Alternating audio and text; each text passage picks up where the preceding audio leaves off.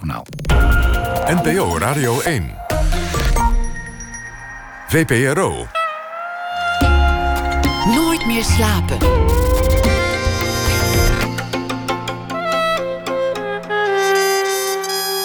Met Pieter van der Wielen. Goedenacht en welkom bij Nooit meer slapen. De filmscène die Joram Leursen altijd zal bijblijven, die hoort u na ene. Jasper van Kuik komt langs. Hij is wetenschapper, Delftenaar en hij heeft een rubriek over slechte ontwerpen. En hij is ook cabaretier. En hij heeft zijn vierde voorstelling, Janus. Eh, die is onlangs in première gegaan.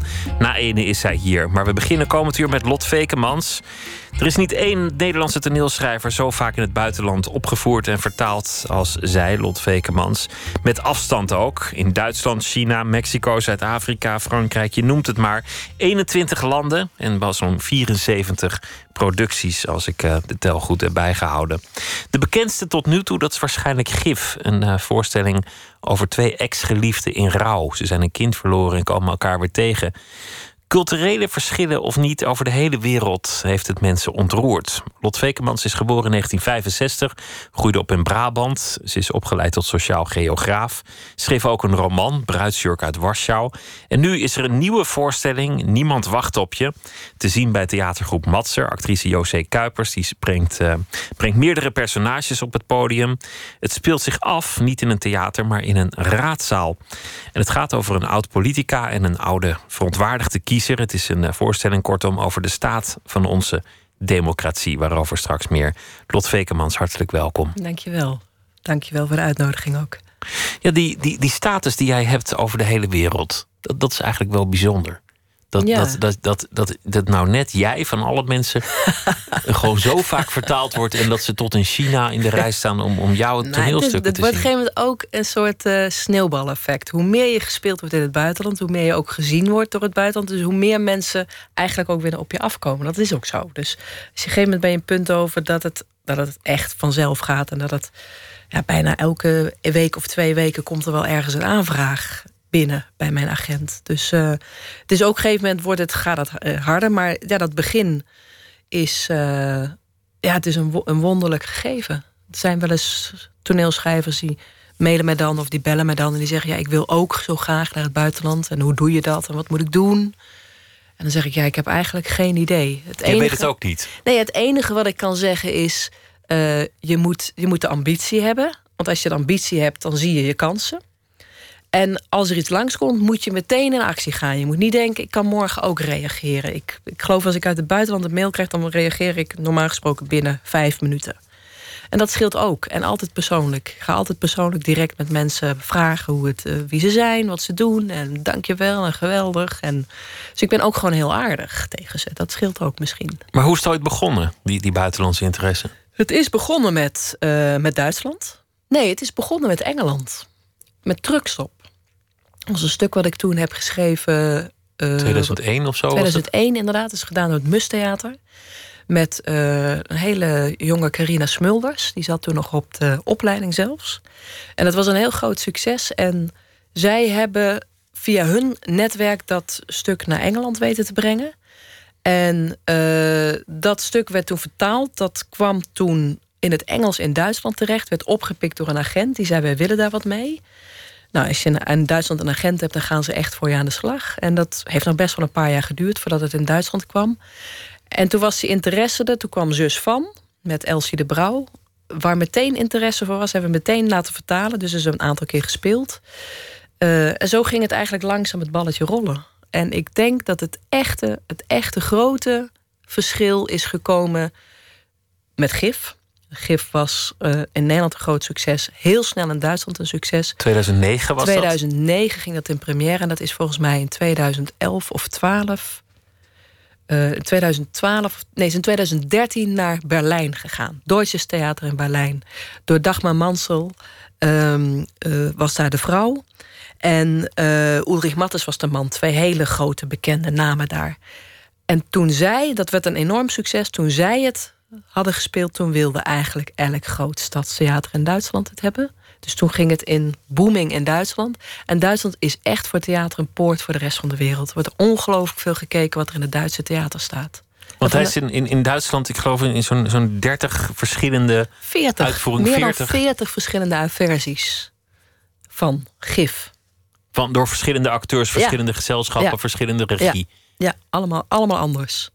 Maar dat betekent dat, dat, dat jouw kindje, jouw voorstelling, een heel eigen leven is gaan leiden. Ja. Waar jij helemaal geen zicht meer op hebt. Nee, totaal niet meer. Als een puber het huis uitgegaan en eh, af Ja. en toe hoor je nog wel wat. Maar Ja, ja dat is echt eh, zo'n eh, wereldreiziger geworden... die af en toe eens even opbelt naar mama om te zeggen... van gods, ik ben nu hier. En maakt mama zich nog zorgen daarover? Nee, nooit. Nee. Nee, dat kan ook niet. Dat moet je ook helemaal niet mee mee bezig zijn. Ik word natuurlijk best vaak uitgenodigd. Ik ga heel vaak ga ik ook niet. Omdat het, ja, weet je, het is voor mij niet per definitie eh, goed om elke versie van gif te zien. Het is vaak verreizen. Dus ik probeer diegene eruit te pikken waarvan ik echt denk... nou, hier is echt iets bijzonders aan de hand. Of hier, eh, ja, het is gewoon te zot om dit te laten liggen. Ik bedoel, als je een uitnodiging van New York krijgt... dan ben je het natuurlijk gek als je niet gaat. En eh, ik was ontzettend blij met Londen. Want Londen is voor mij toch nog wel het soort walhalla voor de toneelschrijver. Dus ik was ontzettend trots dat ik daar, daar kwam te staan, onlangs nog. En ja, dat zijn wel momenten dat ik echt zeg, die moet ik gewoon zien. Dat is gewoon een versie die ik per se zelf wil zien. Gif gaat over, eh, nou ja, gif. Er zit gif in de bodem, dus het graf moet, eh, moet worden verplaatst. In dat graf ligt een, een kindje. En de twee inmiddels gescheiden echtelieden komen elkaar weer tegen door dat eh, droevige gegeven. Ja. En er zit veel oud leed. Er zit ook nog wel oude liefde. Zeker. Een, een, een vrij sober decor, meestal. Ja. Maar misschien zijn er inmiddels ook wel anseneringen geweest waar dat niet was. Dat, dat zou Nou, ik het ook is weten. geestig, want je kan nu natuurlijk heel veel eh, beeldmateriaal gewoon bekijken zelf. Als ik nu YouTube eh, Lot Vekemans of Poison of Gift, de Duitse versie, intyp, dan krijg ik een hele lijst met, eh, met trailers en met stukjes uit de voorstelling. En het is ongelooflijk chockerend hoeveel die decors op elkaar lijken. En, Me- meestal een, een soort, soort iets met, met waar water uit komt. Of want een dat, want dan wordt verwezen naar een waterautomaat en een koffie- en theeautomaat. Dus meestal staat er een apparaat eh, en iets van een bank en verder niks. Dat is eigenlijk wat er meestal gebeurt. En, eh, maar zelfs de mise en scènes zijn soms bijna inwisselbaar. Dat is een mooi verhaal dat, dat eh, sommige regisseurs hebben twee, versie twee versies gemaakt met verschillende eh, in verschillende landen. Erwin Maas is zo iemand, die heeft hem in New York gemaakt en in Zuid-Afrika met totaal verschillende cast. En die wilde in Zuid-Afrika echt een andere versie maken. Die had echt zoiets, nee, dat ga ik echt anders doen. En hij zei, het was niet te geloven, maar die acteurs hadden de- precies dezelfde impulsen. Die hadden bijna dezelfde mise en scène. Ik dacht, ja, ik kan daar niet tegenin lopen werken. Ik moet dat maar... Blijkbaar dwingt die taal af dat zij deze bewegingen maken. En uiteindelijk zijn die versies... Ja, heeft iets met het decor veranderd. Maar als je kijkt naar wat de acteurs doen... Ja, bijna identiek. Nou, nou spreek ik niet alle talen. Dus, dus bij sommige van die versies op YouTube mo- moet ik ook maar een beetje gissen. Bij eh Chinees Bij- bijvoorbeeld. om maar eens iets te noemen. Mijn Ja. Chinees is niet geweldig. Mij ook niet zo. Helemaal niet zelfs. Nee. Maar dan, dan, dat lijkt me voor een schrijver zo gek. Dat, dat, dat je totaal niet weet wat ze ervan maken. En dat, dat je dan ook nog culturele verschillen hebt. Ja, het gekke, ja, het is natuurlijk met Chinees en Russisch en, en, en Grieks. Dat zijn ook talen die je ook echt niet eens kunt lezen. Dus je hebt ook geen notie van hoe die vertaling is. Daar kan je werkelijk helemaal niks zinnigs over zeggen. Alhoewel, mijn Roemeens is ook niet zo goed. Dus daar kan ik het ook niet van zeggen. Maar het is wel dat ik eigenlijk altijd exact weet waar ze zitten met de tekst. Als ik de voorstelling zie, ook als ik het niet versta, weet ik eigenlijk precies wat er aan de hand is. Ik weet exact waar ze zijn. Dus het is toch wel terug te voelen. Nou, dan ga ik ervan uit dat veel van die landen een andere theatertraditie hebben. Ja. Een andere manier van omgaan met een voorstelling. Er, wordt wel eens gezegd, bijvoorbeeld over de Chinezen, dat ze veel makkelijker zijn met het opnemen van een telefoon tijdens een voorstelling. Ja, ja, dat schijnt. of, of even eh, op en neer te lopen voor wat ja, eten. die schijnen zelfs spelletjes ook en eten te bestellen in de zaal en zo. En, eh, en ongelooflijk spelletjes te spelen op hun mobiele telefoon. Dus dat, dat eh, daar, daar, daar, daar waren. De, was trouwens de eerste Chinese versie, was eigenlijk de Nederlandse versie. Die inmiddels in Duitsland speelde, omdat dat Johan Simons, de regisseur, daar toen intendant was. En die versie is toen in China uitgenodigd. Dus er was een Duitsstalige Nederlandse versie met Chinese boventiteling. En daar werden ze al gewaarschuwd voor dat publiek. En ook, ja, ze klappen je niet, weet je wel. Ze lopen gewoon weg. En ze lopen vaak ook tijdens de voorstelling weg. En daar hebben ze gewoon een staande ovatie gekregen. Dus ze wisten daar eigenlijk ook niet wat ze meemaakten. En van de versie die dan echt met Chinese acteurs is gemaakt... ja, heb ik niet zelf gezien, maar heb ik ook gehoord van de regisseur... dat het eigenlijk altijd muisstil was. Dus heel ongebruikelijk eigenlijk. Zoiets, eh, zoiets wordt ook gezegd over, over Griekenland. Ja. Zoiets wordt ook gezegd over Zuid-Afrika. Dat, dat wil eigenlijk zeggen dat, je, dat jij iets gevonden hebt, een thema dat al die culturele verschillen overstijgt. Dat jij iets universeels hebt aangeraakt. Ja, ja dat, is, dat is denk ik sowieso het thema van een kind verliezen, is natuurlijk in alle culturen aan de hand. En dan zou je kunnen denken van de cultuurverschillen zijn natuurlijk heel groot, hè, hoe we met verlies en rouw omgaan. En dat is ook zo. Maar ik probeer, en dat is wel echt typisch iets wat ik in mijn werk probeer te doen. Ik probeer zo ver in te zoomen op, op, het, op, het, op de mens. Dat, dat ik zo dichtbij kom dat het uiteindelijk niet meer uitmaakt. Dus dat of je nu Chinees bent, of Zuid-Afrikaans, of Braziliaans, of, uh, of je rijk bent of arm bent, um, dat het gewoon niet uitmaakt, omdat ik zo ver doorzoom dat je eigenlijk die buitenkant niet meer ziet. En dat is volgens mij de reden waarom het zo uh, op zoveel plekken gewoon werkt. Dus het gaat uiteindelijk om het diepste menselijke mechanisme. En hoe kom je daar als schrijver bij dat, bij dat diepst menselijke? Voor mij is het um, toch wel een. Ja, het is iets wat ik inmiddels weet dat ik het, dat ik het beheers. En het is, me, het is echt het voornemen om me zo ver mogelijk te, te verdiepen.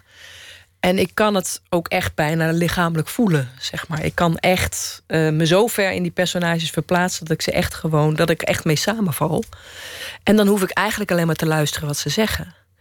En natuurlijk is niet zo dat alles wat ik opschrijf goed is... en er wordt heel veel geschaafd en gaat weg en dan komen bij en bla bla bla.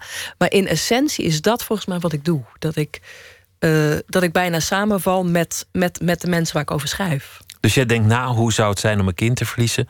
Wat zou er volgen uit, uit dat verlies en dat verdriet? En, en dat probeer je zo goed te doen dat je helemaal samenvalt met dat personage, met dat verzinsel. En, en, en het nadenken is eigenlijk meer dat ik het onderzoek. Ik doe echt ook altijd wel onderzoek. Dus ik probeer ook veel verhalen te lezen of mensen te spreken.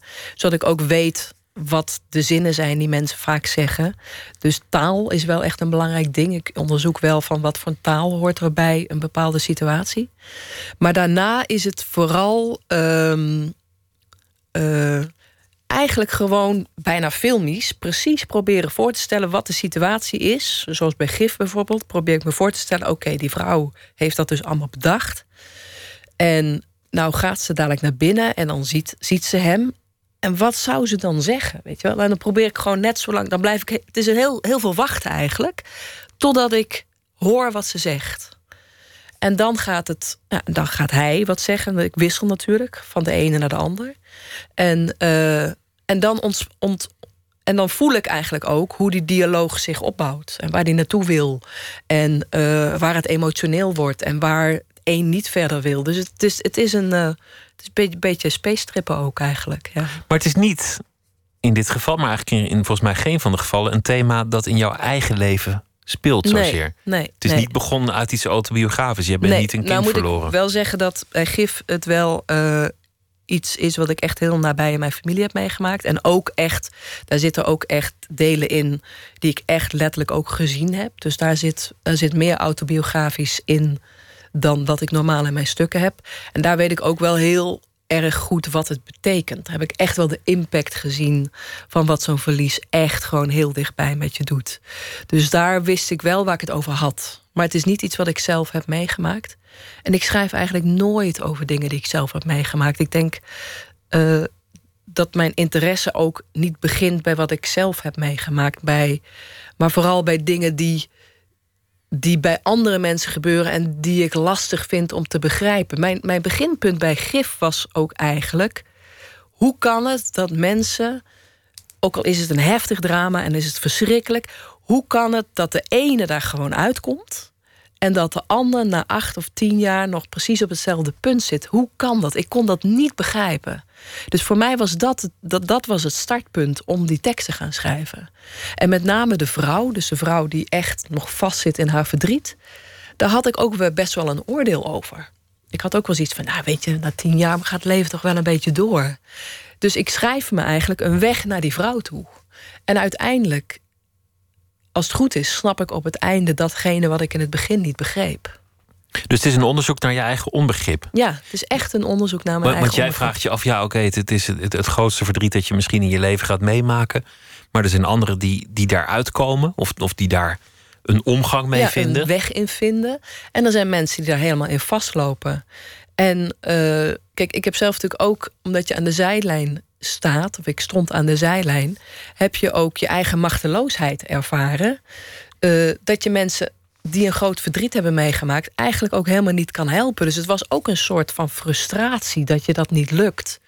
En het schrijven van dat stuk heeft me daar op een bepaalde manier ook in geholpen omdat heel veel mensen die dit hebben meegemaakt. Er kwamen ook heel veel mensen hebben het meegemaakt. Of kennen mensen die het hebben meegemaakt. En die komen natuurlijk ook naar die voorstelling.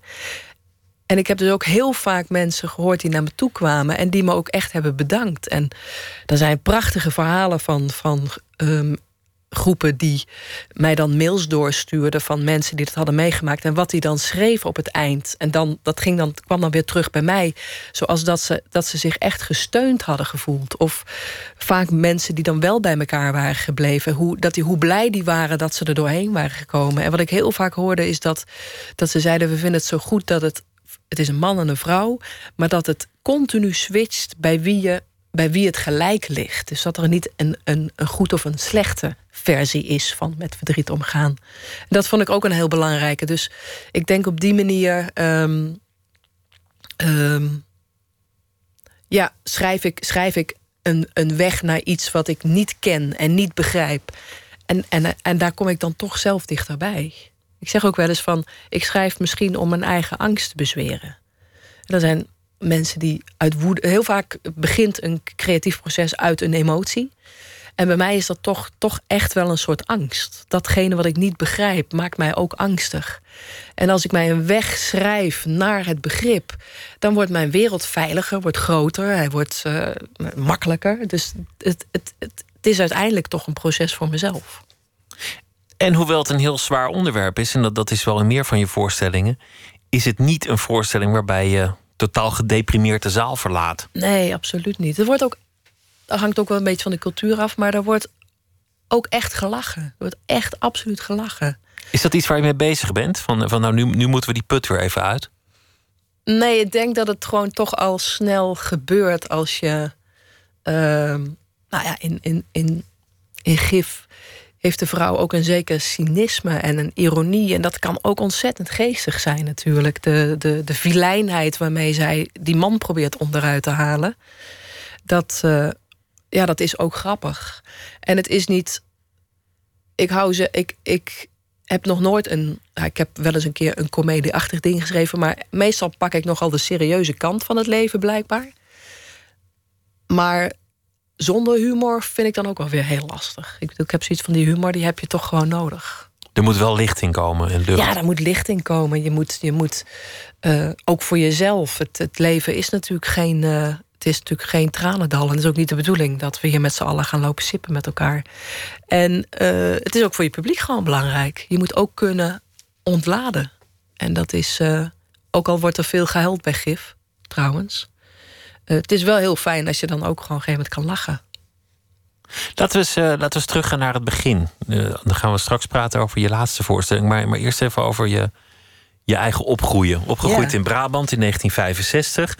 Een, een, gezin van vier kinderen, drie meisjes, één jongen. Je, je vader die werkt in de farmaceutische industrie ja. bij Organon. Organon Diosint, ja. Nou, daar houdt mijn kennis eigenlijk op. Ja, nou ja, dat is wel al heel veel basiskennis die belangrijk is. Um, ik kom uit een gezin, wij zaten dicht op elkaar. Dus in vijf jaar tijd vier kinderen. Dus het was... Uh, druk? Druk. En, um, was het ook een heksenketel thuis? Nou, een echte hekselketen niet, maar wij waren wel een verbale familie. Dus er werd wel veel, uh, ook aan tafel. Het was het was, werd heel veel uh, snelle grappen gemaakt en uh, geprobeerd daar nog, nog sneller in te zijn dan de ander. Dus het was wel. Het, ik weet wel dat er wel eens vriendinnetjes bij mij kwamen aten die dan een beetje geïntimideerd waren door de rapheid waarmee onze gesprekken aan tafel gingen. En we probeerden elkaar ook echt wel. Um, nou, af en toe echt, echt wel vliegen af te vangen. Maar ja, zelf, zelf heb ik het. Ik, ik was zelf meer. Ik was de derde. Twee, een broer en een zus boven me die aandacht vroegen. Een jonge zusje die natuurlijk altijd. De jongste krijgt altijd meer aandacht. Dus ik was zelf wel meer het beschouwende type in het gezin. En ehm, zo heb ik dat denk ik ook. Ben ik eigenlijk ook altijd geweest. Ik heb er altijd meer naar gekeken dan dat ik er zelf middenin zat. En, en hoe zag dat er dan uit? Zat je dan ook op een stoeltje aan de zijkant van de kamer als een soort sportverslaggever? Nee, ik zat wel echt aan tafel, maar ik was wel uh, echt aan het observeren. Heel goed aan het luisteren. Dat heb ik echt, dat luisteren. Wat mensen zeggen en hoe ze het zeggen, dat herinner ik me echt wel van heel jongs af aan. De woordkeuze ook. De woordkeuze en ook, de, ook het verschil tussen dat iemand iets zegt en dat de ander iets anders hoort. Dat kan ik me al van heel jong herinneren dat ik me daarover kon verbazen. Ik dacht, maar dat zegt ze helemaal niet. Ze zegt heel iets anders. Dus ik heb me ook al heel jong verbaasd over uh, ja, de communicatiestoornissen die er waren. En ik denk dat daar ook al het begin ligt van die fascinatie van mij voor die gesproken taal. Dus eigenlijk is een, een, een druk gezin met veel. Uh discussie aan tafel is, is ook een soort bron voor jou gebleken. Ja, zeker. zeker. Want ik heb, ik, heb heel, ik heb heel goed leren luisteren. En ook, ik was zelf niet alleen maar hoor. Ik, kan, ik kon ook echt wel aandacht opeisen. En uh, ik was heel rap van taal ook. Dus, uh, dus qua humor heb ik, uh, heb ik wel echt wel mijn steentje proberen bij te dragen. Dus het was niet dat ik een soort sip, sip in de hoek zat te kijken naar de rest van het gezin. Maar. Um, dat, dat observeren en met name dat luisteren... en, en ook al heel vroeg de verbazing over de, de miscommunicatie... is iets wat ik, wat, ik me, ja, wat ik me echt al van jongs af aan herinner. Je was ook een, een kind met, met een kwaaltje. Ja, ja. Nou ja, ik, had, uh, ik ben geboren met een oogafwijking. Het syndroom van Marcus Gunn heet het officieel. Uh, dat betekent dat mijn één oog zat dicht. En um, uh, het is eigenlijk het is niet echt een oogafwijking, maar het is meer een afwijking die in de besturing van het oog zit. En ik ben er twee keer voor geopereerd. En het is ook nog steeds zichtbaar. Het is, het is, uh, nou, maar niet heel erg. Niet heel erg. Maar er zijn momenten dat het wel erger eh, zichtbaar is. En uh, ik weet dat ik als, als kind heb ik, ik werd geopereerd in Sluiskil, dus in Zeeland. Terwijl mijn ouders woonden in Os. En uh, ik heb dus best jong, totaal, ja, dan ben je tien dagen alleen in een ziekenhuis en je ouders komen niet. En dat uh, heeft me wel een bepaalde uh, zelfstandigheid gegeven, denk ik. Of een beetje met, met beide benen op de grond terechtgekomen. Ik was heel snel zelfredzaam, geloof ik. Dus zij brachten jou naar het ziekenhuis en en, en dan lag je daar een, een aantal dagen. En dan, en dan kwamen je ouders eigenlijk ook niet langs. Dan, dan was nee, je het, gewoon was gewoon jezelf. te ver, het was gewoon te ver. En mijn moeder had natuurlijk nog drie andere kinderen. En mijn vader was ook vaak op reis. Dus die was er, die was er vaak ook niet. En uh, ja, mijn moeder kon die drie kinderen achterlaten... om dat ene kind in het ziekenhuis dan maar te gaan bezoeken. Dus, um, en mijn oom werkte in dat ziekenhuis. Dus het was de bedoeling dat hij dan af en toe langskwam. Kwam niet, hij kwam niet zo heel vaak langs en ik kende hen ook niet heel goed. Dus ja, je, bent, je, je ligt er in, in, zekere zin letterlijk toch wel een beetje moederziel alleen. En um, dat, dat met name de tweede keer toen ik zeven was, heeft, heeft, heeft wel echt veel indruk op me gemaakt toen. Dat weet ik nog wel. En um, ik denk dat het feit dat ik een oogafwijking had. Mijn moeder was heel bang dat ik gepest zou worden. En die heeft me al heel vroeg, toen, nou, zolang ik me kan herinneren, gezegd: als iemand jou pest, dan mag je die gewoon slaan. Dat zou nu, uh, denk ik, pedagogisch niet meer verantwoord zijn. Maar, dat maar, was... maar kinderen onder elkaar mogen nog steeds wel slaan. Toch? Ja, die mogen nog steeds wel slaan. En dat, en, en, dat, en, dat, en dat heb ik ook echt gedaan. Dus als, ik, als er iets gebeurde, dan stond ik ook echt. Dan was ik, stond ik ook direct maar voor mezelf klaar. Dus het heeft me heel erg weerbaar gemaakt. En uh, het, was, het was toch een code van: nou, heb, heb, je wat, heb, heb je wat over te zeggen? Nou. Uh, hier kan je een klap krijgen. Dus in die zin was het een schitterend gebrek? Een schitterend gebrek. Nee, het heeft me ongelooflijk. Uh, het, heeft me van, het zijn eigenlijk twee dingen, als ik daarover terugdenk, die het me gebracht heeft. Ene is het besef van je kwetsbaarheid, want het was zichtbaar. Je kon het niet verbergen. Uh, als ik op reis was, ik kreeg ook altijd wel opmerkingen. Er waren altijd mensen die er wat over zeiden. Als ik mensen wat langer kende, kwam ik kreeg ik altijd de vraag. Dus je, je was, ik was me altijd heel erg bewust van die kwetsbaarheid. Maar ik ben er ook heel weerbaar door geworden. Maar kon je dan wel goed vechten met, met één oog dat niet zo goed is? Want, want dan heb je moeite met diep te zien. En... Ja, nee, maar ik deed ook een balsport. Dus dat had ik blijkbaar heel goed opgelost. Ik weet niet. Misschien met luisteren. Ik weet het niet. Dat, dat heb je opgevangen op de een of andere manier? Ja, ik heb dat wel opgevangen, ja. Ik heb dan nooit enig probleem... Nou, uh, ik heb heel, heel soms... heb ik wel eens dat ik merk dat ik een afstand verkeerd inschat. Maar dat is meer als, bij wijze van spreken, ik nu een bal omhoog zou gooien. En ik zou hem dan op het juiste moment moeten pakken. Dan zou het kunnen zijn dat ik hem niet op het juiste moment pak. Maar hoe vaak gebeurt dat in het leven? En hoe belangrijk is en het? hoe belangrijk is het dat je als je niet, Als je niet in het Nederlands elftal zit. Ja, of geen tennisster wil zijn. Nee. nee. Wat wilde je worden eigenlijk toen je, toen je je daarop ging oriënteren in de wereld? Ja, ik had echt geen idee. Ik had echt geen idee. Ik vond geloof ik alles leuk. Ehm, ik was in heel veel, heel veel dingen deed ik met gemak. En ik, uh, nou, ik wist het echt niet. Ik, ik heb ook, het, was in ieder geval logisch dat ik zou gaan studeren. Ik had het gymnasium, ik zat op het gymnasium en dus, dus ga je studeren. Dus ik heb heel erg me op, in de universiteiten verdiept. Maar dat ging van uh, landbouwarchitect, uh, landschapsarchitect tot uh, misschien bouwkunde of binnenhuisarchitectuur of advocaat. Of, ik had eigenlijk gewoon echt geen benul. Dus ik heb al die, die, die, die verplichte dagen bij de universiteiten afgelopen. En op een gegeven moment had ik in mijn hoofd, hoe ik daar nog op gekomen was, fysische geografie. Dus ik ging naar een open dag in Utrecht naar fysische geografie. Nou, ik wist al binnen drie minuten, dat is niks. Dus alleen maar naar stenen kijken. Dat, uh, dat, dat gaat hem niet worden. En daarnaast stond de stand van sociale geografie. En met name de stand die ging over ontwikkelingssamenwerking. Met allemaal fantastische verhalen, ver weg. En toen dacht ik, ja, dat is, dat is wat ik wil doen. De wereld in om, de wereld om goed te doen. In. Ja, nou ja, niet eens misschien om goed te doen. Ik weet niet of, dat, of het echt al zo ver ging. Maar echt uit nieuwsgierigheid. Ik wil gewoon andere landen zien. Ik wil andere, andere culturen leren kennen. Ik wil weten hoe het ergens anders gaat. Dus dat, dat was eigenlijk een vrij uh, intuïtieve, heldere keuze op dat moment. Ik heb toen nog wel even gerommeld. Want kort daarna hoorde ik dat je ook zoiets had als een filmacademie. Wat ik helemaal niet wist. Toen dacht ik, nou, dat lijkt me ook wel te gek. Dus ik, ben ook nog, ik heb ook nog gepoogd daar binnen te komen. En daar ben ik in de laatste ronde toen afgevallen. En toen ben ik toch gewoon sociale geografie gaan studeren. En um, na een jaar, ik had mijn propenduizen gehaald na een jaar, heb ik me uitgeschreven. Want mijn ouders wilden dat al hun kinderen een jaar gingen reizen. En ik had bedacht, ik wil naar Zuid-Amerika.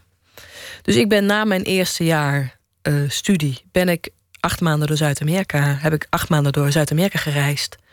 Ja, en daar ontdekte ik wel van ja, ontwikkelingssamenwerking. Ik weet niet of ik nou ontwikkelingswerker wil worden. Ik kwam toch erg veel gefrustreerde uh, ontwikkelingswerkers tegen. En, maar wat mij daar opviel is dat ik dacht van... Jezus, we hebben echt geen benul van, van wat er aan de hand is van de wereld. Maar waar we vooral geen benul van hebben... is hoezeer de problemen hier verbonden zijn met hoe wij het doen. En daar verbaasde ik me zo over. Ik dacht, hoe kan het dat we dat zo slecht weten? Dat we maar zo... hoe, hoe we wat doen eigenlijk? Nou, gewoon dat, dat uh, als je kijkt naar de producten die wij in onze wereld, en dan heb ik dan even over Nederland op dat moment, gewoon gebruikte. Gewoon alleen al het besef dat ik bijna altijd katoen aan had. En, en natuurlijk ineens ontdekte, ja, die katoen komt niet uit Nederland. Die komt meestal uit een derde wereldland. Onder best wel erbarmelijke omstandigheden. En dat ik me ineens besefte van... als ik dat dus niet weet en ik wil een zo goedkoop mogelijk t-shirt hebben... dan zorg ik dus eigenlijk dat het daar niet goed gaat. En, en die, die, dat verband werd me dat jaar eigenlijk pas duidelijk. En dat heeft wel heel erg mijn, uh, mijn kijk op nou, de verbinding tussen ons allemaal uh, gestimuleerd of bepaald, denk ik ook. Ik vind het ook wel moedig van je ouders dat, ze allereerst zeiden van al die kinderen, jullie moeten een jaar reizen. Of, of wij, wij waarderen dat als je dat doet. Dat, dat jij zo jong naar Zuid-Amerika ging. Ja, ik snap eigenlijk achter. Ik heb wel eens gevraagd dat jullie me hebben laten gaan, weet je wel. Uh, geen mobiele telefoons, geen internet. Uh, en net de tijd nog van Pinochet, denk ik. Zat, ja, Pinochet. Uh, ik ben het. Ik ben ik had het wel slim aangepakt. Ik ging natuurlijk niet in mijn eentje. Dus ik heb het eerste deel met een reisorganisatie gedaan. Dus we waren met twaalf. En na uh, vier maanden ben ik uitgestapt met een paar mensen uit die groep. En hebben we met z'n vieren nog vier maanden in ons eigen tempo gereisd. Ik weet niet of mijn ouders dat goed hadden gevonden als ik dat van tevoren had verteld. Die dachten, die gaat gewoon acht maanden veilig met een reisorganisatie mee en daar wordt goed voor gezorgd. Maar na vier maanden dacht ik, dit gaat me veel te snel. Ik heb meer tijd nodig. Ik wil rustiger kunnen reizen. En er waren meerdere mensen in die groep. Dus wij zijn met vier mensen toen onze eigen weg gegaan. En ik heb mijn ouders dat wel laten weten. Ik heb ze opgebeld en gezegd: Nou, zo en zo uh, is het plan. En ze waren daar ook uh, oké mee. Ik heb dat er wel eens aan mijn moeder ook gevraagd: van hoe kwam dat? Toen zei ze: Ja, wij hebben eigenlijk nooit over jou getwijfeld. We hebben altijd vertrouwen gehad dat, dat jij wel op je pootjes terecht zou komen. Want je was al sterk en weerbaar. Dat, dat vertelde je net al. Ja, ja, dat was ik ook. En ik, ik, was, ik stond best stevig in mijn schoenen. Ik was niet uh, heel erg makkelijk te manipuleren, denk ik. Ik was behoorlijk eigenwijs. Um, dus ik denk, ik denk dat ze dat vertrouwen, dat hadden ze. Dat hadden ze gewoon. Was het ook een, een gezin waar veel cultuur was? Want, want dit vind ik al tamelijk verlicht. Dat je tegen al je kinderen zegt van ga de wereld in. Ja, dat is, ga op uh, avontuur. Dat is, ja, dat is echt heel bijzonder. En uh, ik kom wel uit een kunstminnend gezin. En dat zat mijn vader... Mijn vaders tak, dat was echt eh, heel erg in de klassieke muziek zat iedereen. Mijn vader zelf niet. Die speelde, die speelde kon drie nummers op de piano en dat kon hij zo ontzettend goed dat iedereen dacht dat dat een virtuoos pianist was, maar dat waren de enige drie nummers die hij kon spelen. Dat is wel een goede investering. In plaats van tien liedjes die je slecht kan, kan je er beter een paar heel goed dat iedereen denkt. Heel, heel slim. En ja, dat je daar had hij natuurlijk ook op reis, kon hij daar altijd hoge ogen mee scoren. Door gewoon net die drie nummers. En dan zeiden we: speel nog wat. Nee, het is nu goed. Dus dat uh, had hij heel slim gedaan. En uh, mijn moeder wilde eigenlijk naar de kunstacademie. Maar ja, haar vader vond dat uh, ja, niet een beroep waar je als meisje je geld mee zou kunnen verdienen. Dus die wilde dat ze gewoon iets ging doen waar ze toch zichzelf mee kon onderhouden. Dus die is uiteindelijk de modevakschool gaan doen, of de, de ontwerp van kleding gaan doen. En was daar behoorlijk goed in. Maar het, toen zij met mijn vader ging trouwen en de bedoeling was dat er kinderen kwamen, toen uh, heeft zij toch heel, heel ook wel overtuigd gekozen voor, uh, voor moeder en huisvrouw zijn. Wat bij, met de carrière van mijn vader ook wel noodzakelijk was. Want die was veel weg, dat, die was vertelde je net al. Ja. Waren er veel boeken in huis ook? Ja, mijn moeder was een vervent lezer. Heel erg fan van uh, eigenlijk alle Nederlandse literatuur. Dus alles wat maar enigszins nieuw uitkwam, dat stond bij ons in de kast. En uh, ik denk dat ik van haar ook echt wel de literatuur of de liefde voor de literatuur en het enorme lezen is, is, komt echt wel van haar kant, ja. Ja, zeker. Ze leest nog steeds alles. Dat is ongelooflijk. Die leest vier keer meer dan ik. Je ging naar Zuid-Amerika en je kwam er daar achter dat ontwikkelingswerk misschien niet, uh, niet de juist gekozen droom voor je was. Maar, maar je was wel geprikkeld, want je vizier op de wereld ging open, vertelde je net. Zeker, ja. Je kwam er eigenlijk achter dat wat hier gebeurt daar effecten heeft, wat daar gebeurt hier effecten heeft. En dat eigenlijk de wereld veel complexer in elkaar zit dan je op het eerste gezicht zou vermoeden of willen vermoeden. Ja, nou met name dat we veel meer uh, elkaar beïnvloeden dan we doorhebben. Dat, we, dat het veel meer uitmaakt wat ik doe voor veel meer mensen en voor een veel grotere groep dan dat ik uh, eigenlijk doorheb. Toch is dat niet het soort perspectief dat je in je voorstellingen zou kiezen. Die, die, die zijn eigenlijk veel ja, veel meer op de kern van de mens. Het zijn niet voorstellingen die gaan over de, over de grote wereldproblematiek. Nee. Of over continenten en, en geologische problemen, weet ik veel. Nee, klopt. Het is, uh, ik zeg van, ik ben toch het, in mijn schrijven het meest geïnteresseerd in de menselijke maat van de dingen. En ik weet niet zeker of dat elkaar nou uitsluit. Um, want als ik het over die verbindingen heb, gaat het toch ook wel weer over de hele persoonlijke verbinding. Het gaat niet zozeer alleen maar over de maatschappij. Ik heb het dan toch echt wel over ik als individu. Het bewustzijn wat, wat ik als individu kan oppakken. Ehm, maar in mijn, in mijn schrijven, en ik weet niet of dat nou maar is of een en is. Maar goed, dat maakt nu misschien even niet zo uit. Ben ik wel, nou, zoals ik eerder zei, ben ik wel van het inzoomen. Maar ik probeer wel altijd zover in te zoomen dat de stukken ook een metafoor zijn voor iets anders. En dat viel me bijvoorbeeld op bij het, stuk Drugs op, wat ik eh, dus geschreven had. En wat in 2016 ineens op het uh, officiële selectie van Festival Avignon terecht kwam. Uh, dat was toen uh, 15 jaar na dato. En daar werd het een, gezien als een stuk wat toch een soort aanklacht was tegen de kapitalisering van het Westen. En zo kan je het ook absoluut lezen. dus zij hadden een soort de metaforische betekenis uit dat stuk eruit gehaald. En dus ging het stuk daar ook over. En ik denk met gif bijvoorbeeld. Uh, het, gaat, het gaat misschien over twee mensen. Maar toen ik in New York was, ik, was, ik kwam daar aan en toen was de dag daarna werd Trump verkozen. En de hele theaterwereld was in een soort diepe rouw, eh, gechoqueerd. Want het was voornamelijk democraten, dus die hadden allemaal gehoopt dat Clinton zou winnen. En dat dat stuk werd toen gespeeld. En ehm, mensen hadden echt het gevoel dat het, dat het precies was wat ze nodig hadden. Omdat het ook ging over verdriet. En het ging ook over twee mensen die elkaar weer moeten proberen te vinden terwijl ze tegenover elkaar staan. En daar kreeg het ineens die connotatie. Van een verdeeld land. Van een verdeeld land en van, van twee richtingen. Zuid-Afrika is nog veel extremer. Daar, daar zitten zinnen in, zoals we hebben een gedeeld verleden en uh, dat wat nooit meer voorbij gaat. En dat werd door het publiek echt opgevat als een, als een verwijzing naar de historie van het land.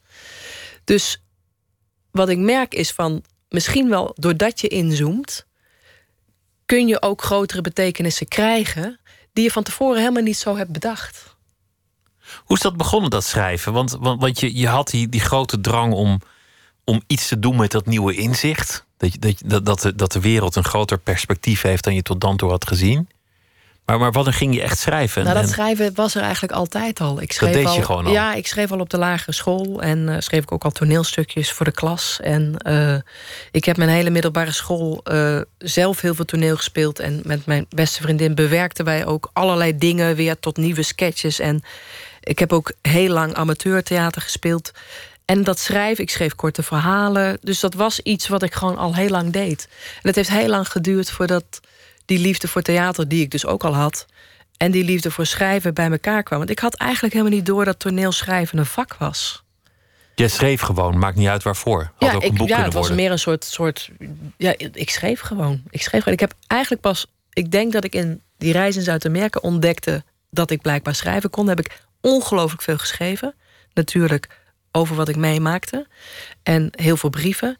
En daar hoorde ik, toen ik terugkwam, dat mensen zeiden van um, jij moet er iets mee gaan doen, dat schrijven. Dat, dat, dat is echt iets wat je kan.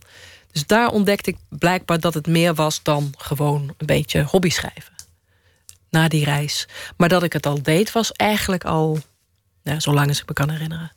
En hoe kwam het dan dat het juist toneel is geworden? Want, want je hebt één roman geschreven. Ja. Dat begon ook als een toneelstuk, maar, maar het werd een andere vorm. Mislukt toneelstuk, zeg ik altijd, ja. En een geslaagde roman. Ja, ja precies. Um, ja, ook weer een toevallige samenloop. Ik had dat toneel waar ik echt al heel veel tijd in stak als, als amateurspeler. Ik had het schrijven, wat ik dus gewoon daarnaast deed. En uh, ik wist wel al tijdens mijn studie ik denk niet dat ik daar echt in ga werken. Ik wist al wel, ik wil iets met theater. Ik zat drie keer in de week in het theater. Ik had wel het gevoel, ik wil daar iets. Maar ik wist toch niet wat. Eh, er werd gezegd, misschien moet je acteren. Nee, dat leek me niks. Ik heb ook echt over regie nagedacht. En toen kwam ik een mini-advertentie, zo'n zo zo kleine advertentie tegen in de krant. En er stond open dag schrijversvakschool het colofon. Uh, non-fictie, proza, poëzie en drama. Toen dacht ik, ja natuurlijk, dat kan je gewoon als vak pakken. En toen ging ik naar de open dag. En het is echt waar. Op het moment dat ik daar binnenkwam, wist ik gewoon: nou, dit is het. Dit is wat ik wil doen. Dus het was net alsof dat theater en dat schrijven ineens een soort heel logisch verband kregen. Wat, wat ik dus gek genoeg nog steeds niet gezien had. Wat een mooi moment voor iedereen altijd als je weet wat je wil. Ja, en toen En- was het en, ook eh, volstrekt helder. Ja. De laatste voorstelling, de, de nieuwe, dat is eigenlijk een vreemde eend in de bijt voor mijn gevoel. ja, klopt. Om, ja. om, omdat dat je vaak, zoals je zei, bij de, bij de kern van het meest menselijke probeert te komen. Ja. Dit gaat wel degelijk over de samenleving, over de democratie. Zeker. Ja. Het gaat ook nog steeds wel over, over mensen en hun persoonlijke worstelingen. Het is een ehm één actrice die, die, die eh, maakt eigenlijk meerdere personages op het podium, José Ja, Kuipers. José Kuipers, ja. We- het, het is niet in een theater. Ik ben gaan kijken in Den Bosch, waar het in de, ja, de, de vergaderzaal van de gemeenteraad Ja, eh, gebeurt. Ja, Echt zo'n mooie zaal met van die, van die blauwe stoelen en dan, dan van die microfoontjes dat iedereen eh mag interrumperen. interrumperen en zich opwinden over eh, wat er allemaal goed gaat en niet goed gaat in Ja. Den Bosch. ja. En daar, daar speelt zij eerst een, een burger en dan vervolgens een aftredend politica. En uiteindelijk gaat het over de, ja, de stand van de democratie. Ja, het is, eh, denk zoals je terecht zegt, een beetje een vreemde eend in dat oeuvre, omdat het inderdaad ineens heel erg over deze tijd gaat. En ook eh, heel erg gaat over deze maatschappij waar we nu hier in Nederland in zitten. En het is, ehm, denk ik, ook begonnen. Het is een project waar ik gevraagd ben om in te schuiven. Dus het idee is niet bij mij begonnen. Dat begon bij Madeleine Matser die eh, ook al met José erover in gesprek was. En ik was wel al een hele tijd met Madeleine in gesprek van... zullen we eens een keer iets samen doen? En eh, zij dacht toen van, ik wil, ik wil Lot hierbij hebben. En ik weet dat ik in eerste instantie ook dacht... ja, ik weet niet. Ik weet niet. Zij, zij zei van, ik wil eigenlijk een politi- politieke partij oprichten... met José als lijsttrekker en dan gaan we daar iets mee doen. En ik weet dat ik in eerste instantie ook zoiets had van... ja, politieke partij, als je het mij vraagt... ik geloof eigenlijk helemaal niet meer in politieke partijen. En ik geloof dat als ik het zou mogen zeggen, zou ik toch zeggen: stem op jezelf. En dus we kregen eigenlijk gelijk een enorme eh, tegenstelling. Maar het gesprek was heel erg interessant. En, ehm, en ik, ik eh, kies eigenlijk altijd heel intuïtief. Dus ik weet, het, ik weet eigenlijk heel snel of ik iets wel of niet ga doen. En ik wist ook meteen in dat gesprek: ik ga dit gewoon doen. Eh, en daarmee kwam eigenlijk een, een inhoud die heel erg ging over mijn eigen, wat ik ook niet vaak doe, mijn eigen eh, ongemak wat ik heb over hoe ik me verhoud tot de politiek. En ik, ik had heel erg zoiets van een soort desinteresse, eh, eh, een soort ongeloof. En ik zei ook altijd van ja, politi- ik, ik doe niet aan politiek, wat natuurlijk echt onzin is om dat te zeggen. Ook dom om dat te zeggen. Dus die voorstelling heeft me wel eh, eigenlijk naar mijn eigen, eh, ja, eigen politieke bewustzijn gebracht. Dus in die zin eh, eh, ben ik heel erg blij dat ik het gedaan heb. En, en heeft het me ook ongelooflijk veel opgeleverd. Dus het is voor jou eigenlijk ook een soort onderzoek geweest Ja, naar, je, naar je eigen motivering, maar ook, ook die van anderen. Ja, want, want we, waren met, waren met vier vrouwen. Dus naast José Kuipers, Marlene Matser, Martine Mante als dramaturg had ik erbij gevraagd. Dus we hebben met z'n vieren drieënhalf jaar lang gesproken. En in die drieënhalf jaar, jaar veranderde er best veel. Van echt een totale apathie. Het was het moment dat de zwevende kiezer ineens eh 60% was of zo. Tot dingen als de Trump-verkiezing, de Brexit. eh, dat ook politiek weer een soort ge- gespreksonderwerp is. Het is echt veranderd in die drieënhalf jaar, ook in de samenleving. Dus het was heel interessant om die lange termijn te hebben. En, en te kijken, en dat is misschien wat ik hier meer heb proberen te doen. Je kan of in, ik geloof altijd, je lost een probleem nooit op op het niveau waar het zich afspeelt. Dus je zoomt of in, of je zoomt uit. En wat ik hier meer heb gedaan, is denk ik proberen uit te zoomen naar wat is dan die, wat, wat ligt daarboven dan als grotere ideeën. Ja, en dan kom je bij mensen uit als eh, natuurlijk als Hannah Arendt, Sigmund Bouwman, ehm, David van Rijbroek met zijn nieuwe ideeën over eh, tegenverkiezingen, eh, Rutger Bregman met zijn ideeën over gratis geld. Je leest Plus van Femke Halsema en, en ziet daarin eigenlijk ook al een soort verzieking van het politieke systeem. Dus je krijgt, je beeld wordt eigenlijk, eh, je zoomt uit en je krijgt een, een beter plaatje van waarom het nou eigenlijk allemaal zo moeizaam is. Maar je maakt het wel heel menselijk. Want, want eerst heb je die eerste stem van jezelf een karakter gegeven. Namelijk die politiek, wat, wat de soort ergernis. Wat doen ze nou eigenlijk voor ons? En hoe kan het systeem nou zo, zo geworden zijn? En vervolgens die aftredende politicus, waar, waar je ook met veel empathie naar kijkt. Ja, ja. En, en die je ook zuivere motieven meegeeft. Ja, je, maakt er niet, je maakt er niet een zakkenvuller van. Dat, Nee. dat zou te makkelijk zijn. Nee, ik geloof ook trouwens wel, daar ben ik wel van overtuigd geraakt, dat de meeste politici echt wel met een enorme ehm, gevoel van dat ze echt iets willen veranderen en verbeteren beginnen hoor. Als ik, als ik zie hoe ongelooflijk veel tijd dat vergt, dat, eh, ik ben er wel van overtuigd geraakt dat politici integerder zijn dan ik vaak dacht. En eh, dat ze ook veel meer mens zijn dan ik dacht. En de politica was voor mij, dat deel van de politica was voor mij wel essentieel om die mens achter die politica te laten zien. Dus daar ben ik absoluut ook weer gaan inzoomen. Daar was voor mij ook wel. Kijk, zij geeft op. Zij laat eigenlijk haar vak vallen. eh, met heel veel pijn. En ehm, zij moet ook gewoon het failliet van zichzelf daar verklaren. En dat is natuurlijk ook een pijnlijk menselijk drama in die zin. Kun je nu verklaren wat jouw ergernis is? En, en, en waarom je ook zegt van ja, politieke partijen, wat, wat heb ik ermee? Of ik doe Ehm, niet aan politiek, terwijl je, terwijl je er meteen Nou, achteraan ik- zegt... ja, ik- natuurlijk doe ik dat Wat ik in ieder geval on- ontdekt heb voor mezelf is eh, dat de weerzin tegen het geharrewar in Den Haag, dat dat niets zegt over eh, dat ik niet ook een verantwoordelijkheid voor de maatschappij kan nemen.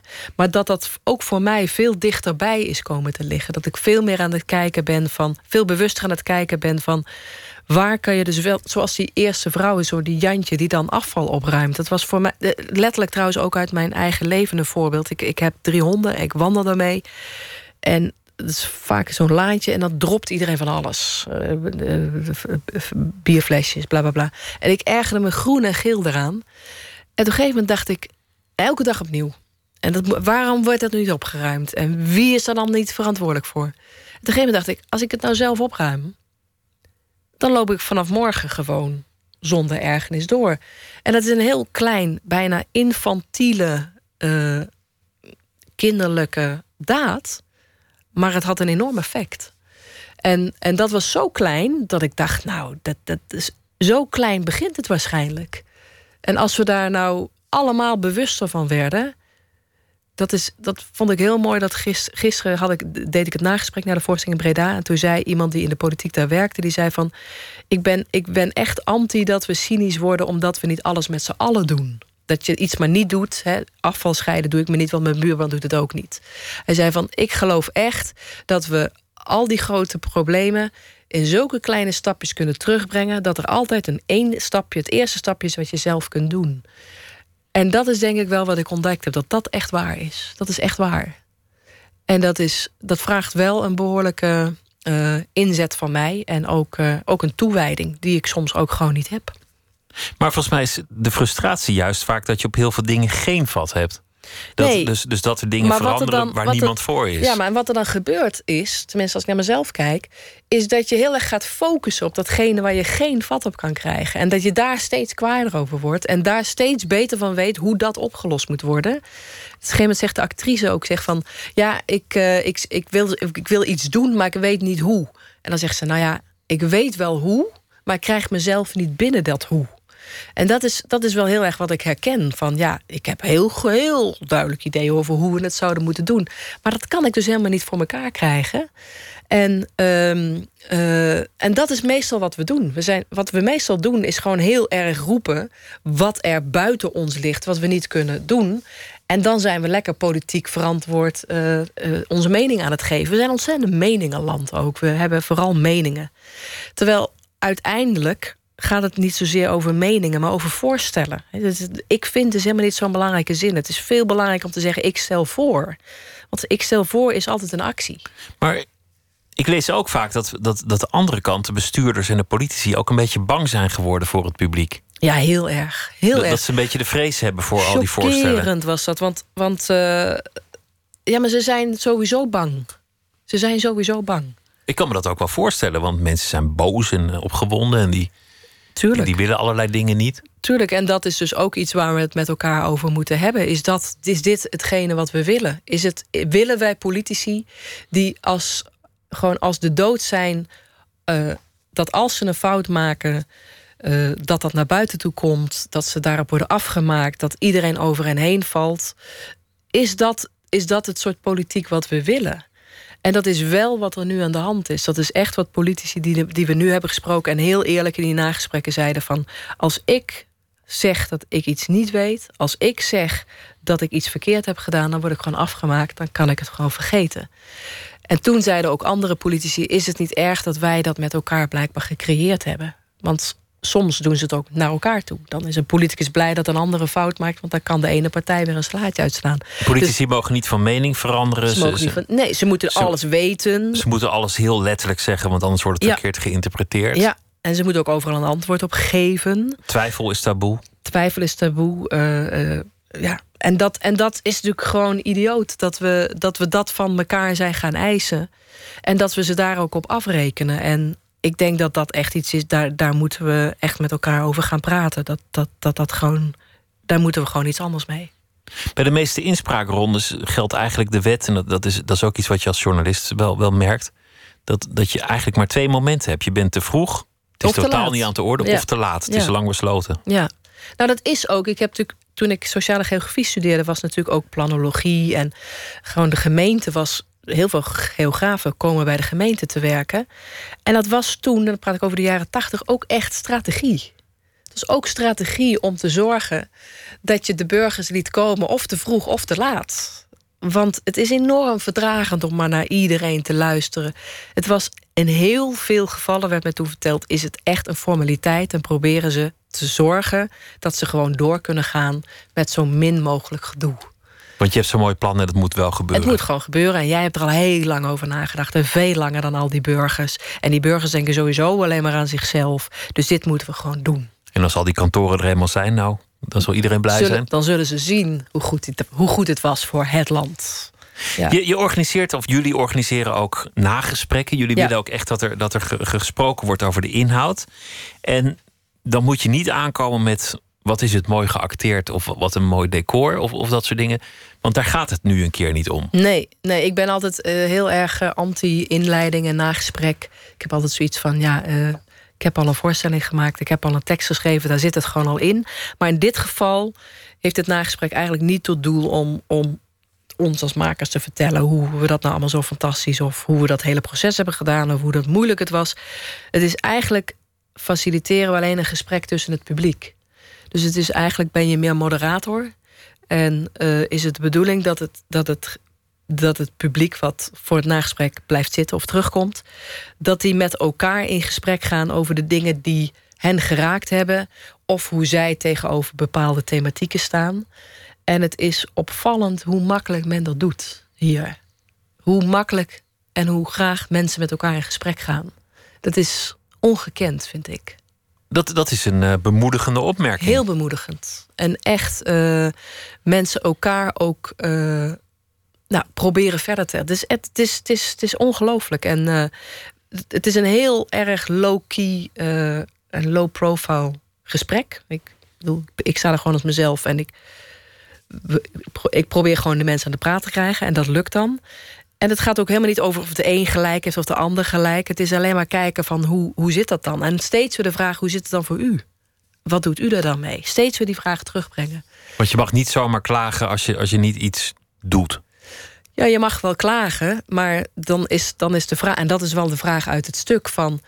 ja, dat snap ik. En is er iets waarvan u het gevoel heeft dat u dat zelf kan doen? Of heeft iemand een gevoel wat je zou kunnen doen hier zelf? En dan gaan mensen toch... ze komen toch met dingen aan kleine dingen. Heel on-Nederlands eigenlijk om, om het theater die rol te laten hebben. Heel on Ik ken dat eigenlijk niet. Heel on-Nederlands. Het is ook, ik denk dat dit, dit. Kijk, het is ook niet iets wat je heel vaak volgens mij. Ik weet ook niet, ik, ik zou niet zeggen dat dit is de toekomst van het theater. Maar voor deze voorstelling, met deze mensen, uh, in deze tijd, werkt het. Maar ik ben zelf een ongelooflijke liefhebber van de zwarte zaal en zwarte box. En het publiek wat gewoon mag gaan zitten en onderuit mag gaan zitten. En helemaal niet zo hard hoeft te werken en gewoon mag kijken. Maar dit is veel minder een schouwspel. Dat is een van de recensies, stond dat ook. Ik weet niet hoe jij dat zelf hebt ervaren, maar uh, je wordt zo letterlijk aangesproken. Het, je, bent zo, je bent zo duidelijk zichtbaar ook. De lampen gaan niet uit. Dus mensen hebben veel minder het gevoel dat ze tegen iets aan aan het kijken zijn. Ze hebben veel meer het gevoel wat ik terughoor, is dat ze zelf ook worden aangesproken.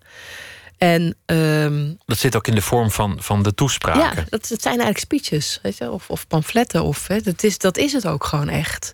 Dus, dus je hebt dat publiek nodig. Het is rechtstreeks. En dat, uh, ja, dat is een vorm.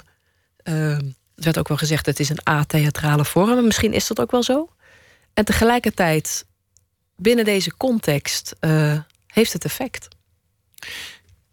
Je ziet het wel vaak in Duitsland, waar, waar mensen blijven hangen om, om echt over de inhoud van een stuk te praten. Ja. De filosofie erachter of de, ja, Duitsland de, de, sociale is echt, gedachte. Dat, die zin ben ik echt verwend geraakt, denk ik, door het Duits publiek en Duitse recensenten. Um, niet alleen Duitsland trouwens, het zijn veel meer landen. Uh, Du Duitsers zijn ongelooflijk uh, belezen over het algemeen, het theaterpubliek daar. Dus die, die leggen veel meer linken die je zelf hebt gelegd, die zien ze ook. En daar gaat het eigenlijk. Ik heb geloof ik zelden een, een, een, iemand uit het publiek naar mij horen. Ja, ze zeggen soms, ze geven ook wel complimenten, maar die nagesprekken zijn zo inhoudelijk. Het gaat altijd alleen maar. Het gaat nooit over uh, hoe ben je nou op dat idee gekomen of uh, uh, wat knap gedaan en hoe kom je erop en wat goed dat je. Of we vonden het leuk of we vonden het grappig. Het gaat altijd over. Wat wil je nou daar wordt dat gezegd. En hoe ziet u dat? Of daar wordt dit gedaan. En ik vind dit en dit en dit en dat.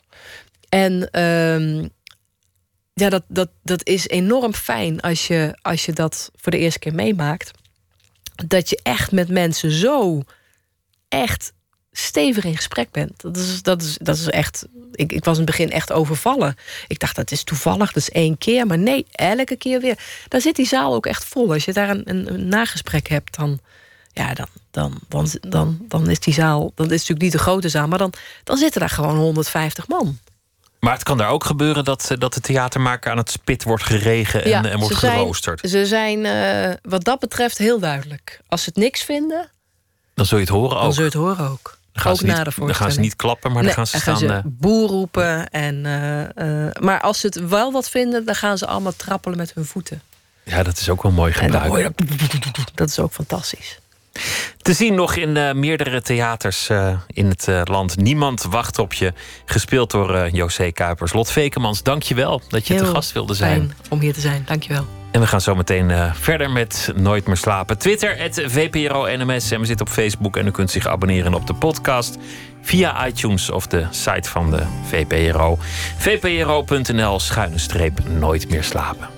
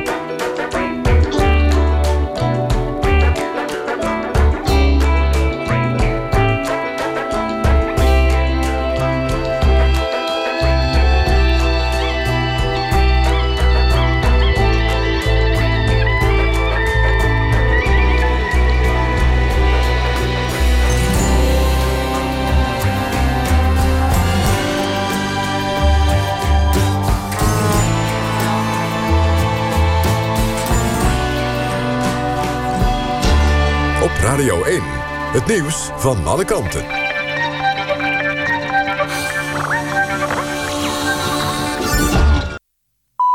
Eén uur door Almegens met het NOS-journaal. De Nederlandse aardoliemaatschappij zegt genoeg geld te hebben... om gaswinningsschade te betalen. Om onrust weg te nemen publiceerde de NAM voorlopige cijfers over 2017. In de plannen voor de komende vijf jaar wordt rekening gehouden... met 3 tot 6 miljard euro aan kosten in verband met aardbevingsschade. Bovendien heeft de NAM de beschikking over nog eens 4,3 miljard euro. De NAM komt nu met de cijfers om vooral voor gedupeerden in Groningen eventuele onzekerheid weg te nemen. De Eerste Kamer stemt pas over twee weken over de orgaandonorwet. De senatoren hebben na een dag debatteren nog veel vragen aan de initiatiefnemer, D66 Tweede Kamerlid Dijkstra. Zo wil de partijen meer duidelijkheid over de positie van nabestaanden en de rol van artsen. Afgesproken is dat Dijkstra een brief stuurt... en dat er volgende week verder wordt gedebatteerd. Een week later kan het dan worden gestemd. Als de orgaandonorwet door de Eerste Kamer wordt aangenomen... gaat het volgens minister Bruins voor Medische Zorg... nog ruim twee jaar duren voor die wordt ingevoerd. Volgens Bruins is er een langdurige voorlichtingscampagne nodig. De politie onderzoekt de dood van een Poolse vrachtwagenchauffeur... dit weekend in Moerdijk. Zondag werd hij op een parkeerplaats bewusteloos in zijn wagen gevonden. Hulpverleners dachten dat hij onwel was geworden. Hij overleed in het ziekenhuis. Nu vermoedt de politie dat hij voor zijn dood is mishandeld. Waarom de politie dat denkt, is onbekend. In de Keniaanse hoofdstad Nairobi heeft oppositieleider Odinga zich laten inhuldigen als president. Het was een protestactie tegen het bewind van president Kenyatta. Die won vorig jaar augustus de verkiezingen. Toen de verkiezingen ongeldig werden verklaard en de bevolking opnieuw naar de stembus ging, trok Odinga zich terug en won Kenyatta opnieuw. Het weer vannacht en in de ochtend regen of motregen en veel wind. In de middag opklaringen, maar ook kans op wat hagel en natte sneeuw. Het wordt een graad of 8. De dagen daarna is het wisselvallig. Dit was het NOS Journaal. NPO Radio 1. VPRO. Nooit meer slapen.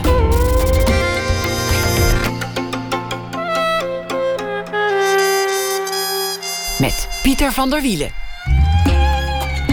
Jasper van Kuip komt zometeen uh, op bezoek, want hij uh, schrijft voor de Volkskrant over ontwerpen. Hij is ook uh, docent aan de universiteit en hij heeft een nieuwe voorstelling, Janus. Zometeen is Jasper van Kuik te gast in de rubriek Open Kaart. Joram Leursen, filmmaker, vertelt over zijn favoriete scène aller tijden. En we beginnen met F. Starik. Hij is schrijver en dichter. En deze week elke nacht onze huispredikant, meneer Starik. Goeienacht. Goedenacht, heer Pieter van der Wielen. Wat heeft de voorbije dag uh, de wereld gebracht? Dinsdag, heer uw nachtpredikant. Ik hoop dat ik niet zal hoeven hoesten of niezen terwijl ik mij aan u mededeel.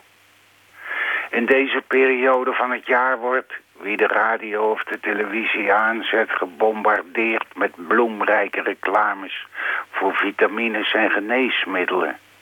Tegen de lopende neus, snotociel, tegen de vastzittende hoest, fluimicide, tegen de hardnekkige pijn in uw gewrichten, krakomade, uw vaginale droogheid, dorstodoos, uw niet weg te slapen vermoeidheid, slipofan, uw algehele lusteloosheid veroorzaakt door de trosse aanbijen die uw stoelgang bemoeilijken, behalve als u diarree heeft, scheidtimide. Tegen de wallen onder uw ogen, krimpaloflex, we zien er werkelijk niet uit. Het lijkt sterk de vraag of we het eind van de winter zullen halen, als we de reclame mogen geloven. Nu schijnen die vitamines A, B, C, D, E, meer letters hebben ze niet, in die onwaarschijnlijk hoge dosis waarin we geacht worden die te slikken, want hoe hoger de dosis, des te werkzamer ons panacee.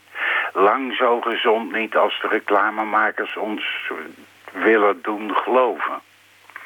In onze voeding zit meer dan genoeg. We moeten terug naar de 17e eeuw om een beetje scheurbuik te ontwikkelen. Maar de fabrikanten stellen werkelijk alles in het werk om ons te doen geloven dat we naast de maaltijd heel veel pillen moeten vreten. Astronautenvoedsel onder het opgewekte motto baat het niet, dan schaadt het niet. Het meest wonderbaarlijke middel dat ons deze dagen wordt aangeprezen is wel coxolodocium. Ik weet niet of ik het helemaal goed zeg en precies juist heb onthouden. Oxalocoxium, het geheimzinnige middel, wordt ons aangeprezen als zijnde homeopathisch en voor het hele gezin. Voor ieder gezinslid iedere week een buisje. Waarom je het zou moeten nemen, vertellen ze er niet bij waartegen het zou moeten helpen evenmin. Ze vertellen alleen dat eens per week al voldoende is en dat het dus in een buisje zit. Buisjes werken nog beter dan pillen, dat is algemeen bekend.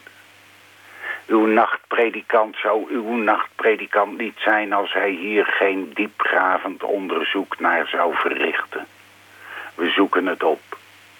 Een man met een rode sjaal loopt door een winterse sneeuwbui en werkt in één keer zo'n buisje naar binnen.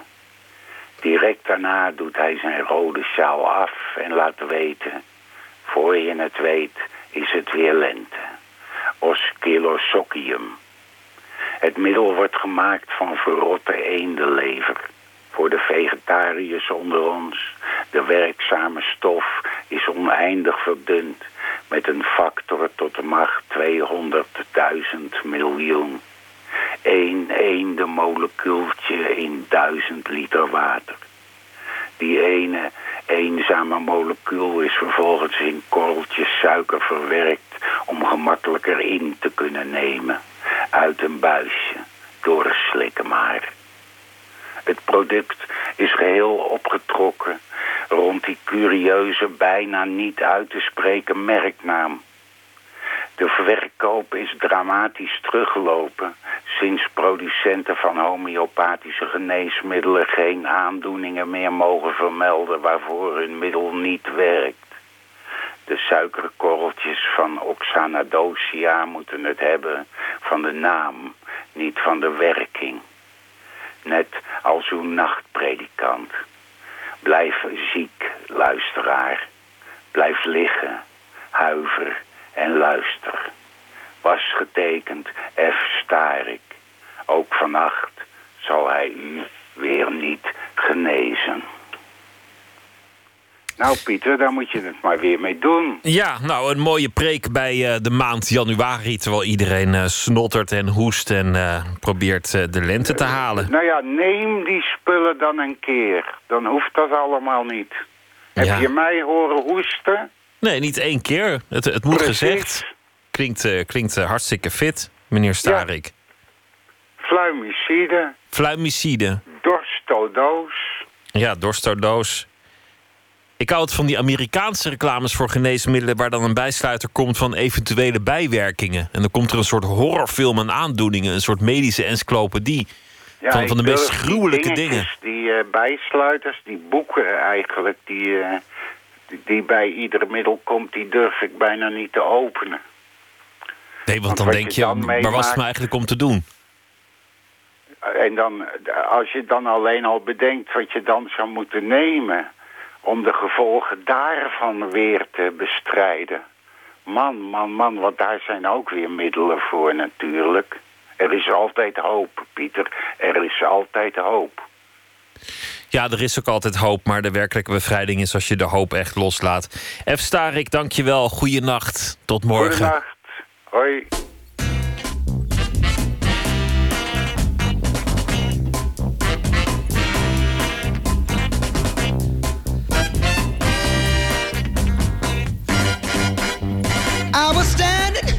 On the corner when I heard my bulldog bark. He was barking at two men who were gambling in the dark. Oh! It was Stagger and Billy. Two men gambling late. Stagger threw seven and Billy swore that he threw an eight. Look here. Staggerly told Bill, said I can't let you get away with that. You want all my money and my brand new Stetson. Ow! Staggerly went home and he got his 44.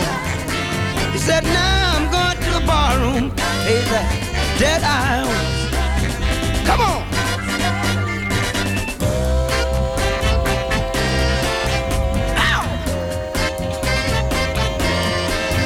Got it.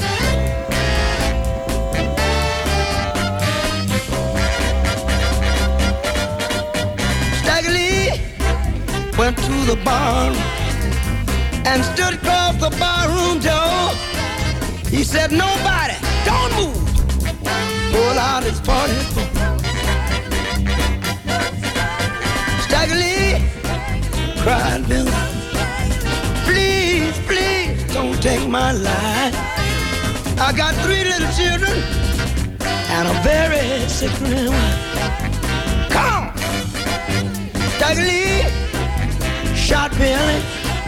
Oh, he shot that poor boy so bad. Till the bullet came through the belly and broke the bartender's glass.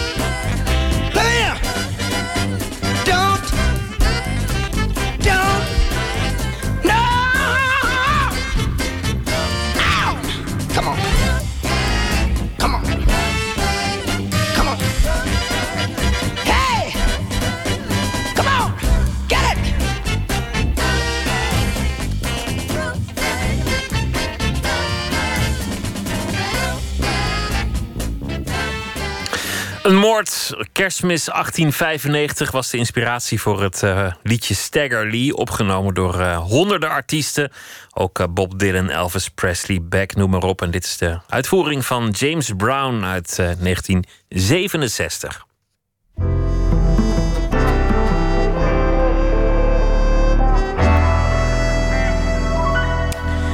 De rubriek heet Open Kaart. 150 vragen over werk en leven. Te gasten is Jasper van Kuik. Hij is cabaretier, maar ook wetenschapper.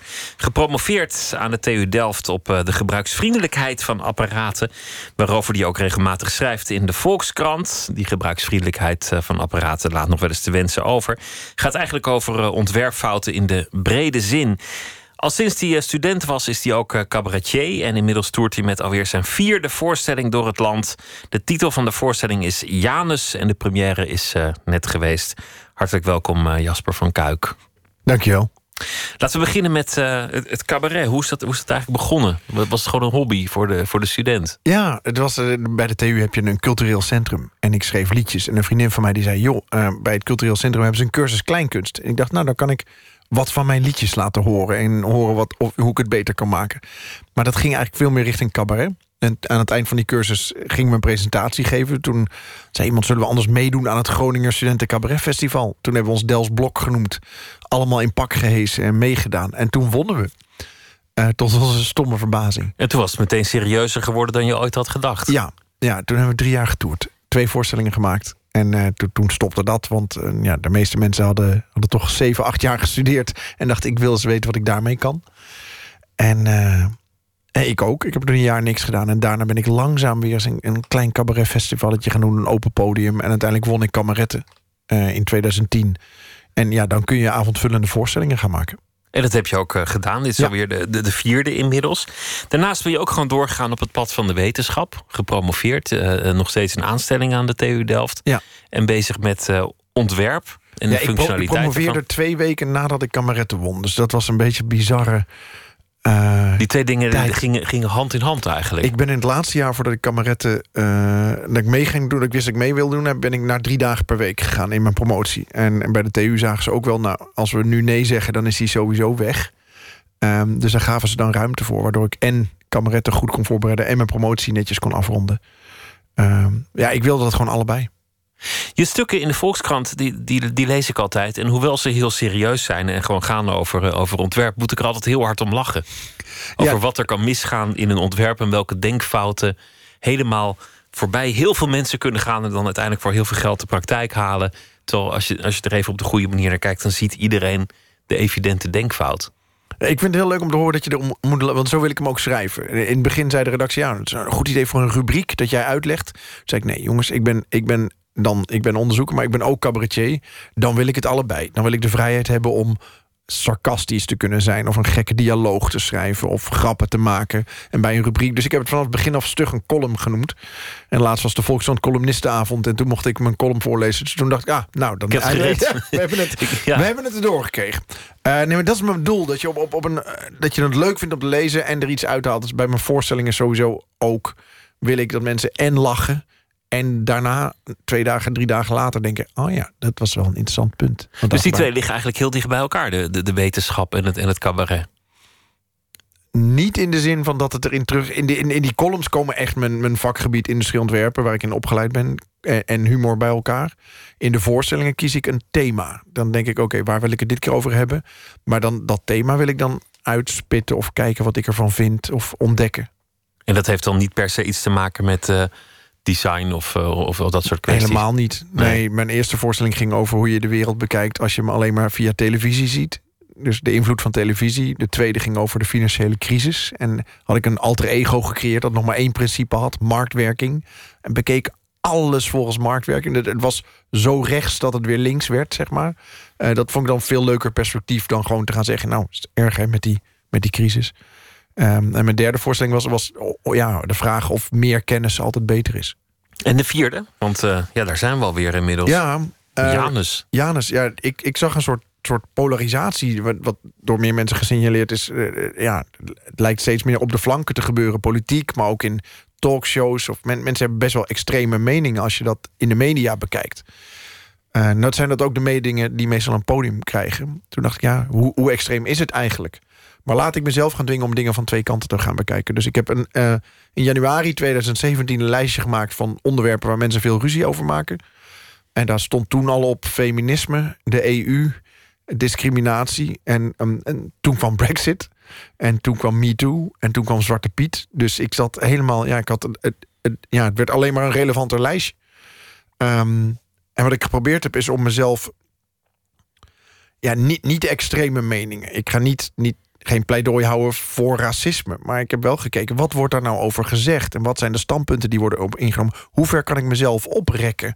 In hoeverre kun je argumenten verzinnen voor, voor de andere kant... en dan weer de andere kant? En, en dan weer de andere kant. En, en ook min of meer zonder direct... Wat, je, wat ik normaal zou doen in een voorstelling... Is, is iets pakken wat gebeurt en daarvan te zeggen nou, wat vind ik ervan? Over de haaks op te gaan of het om te draaien van twee kanten. Maar dit keer dacht ik, nee, ik ga die, die posities verkennen die mensen innemen en kijken hoe ver kan ik erin mee. En dan krijg ik al van het publiek terug, die zegt, ja, het is heel interessant, want je gaat, ik zie één persoon die steeds beide kanten verwoordt, maar ik kan met beide mee. En dat bij sommigen veroorzaakt dat verwarring en bij anderen veroorzaakt dat een soort opluchting van hé, hey, daar staat iemand die die het ook allebei vinden. Het is dus niet of-of. Je kunt de ene keer dit vinden en de andere keer dat. Uh, maar het lijkt wel alsof de media erop uit zijn. Ja, de media, waarvoor, waarvoor je hebt het. Maar alsof er een soort voorkeur bestaat in het, in het publieke leven.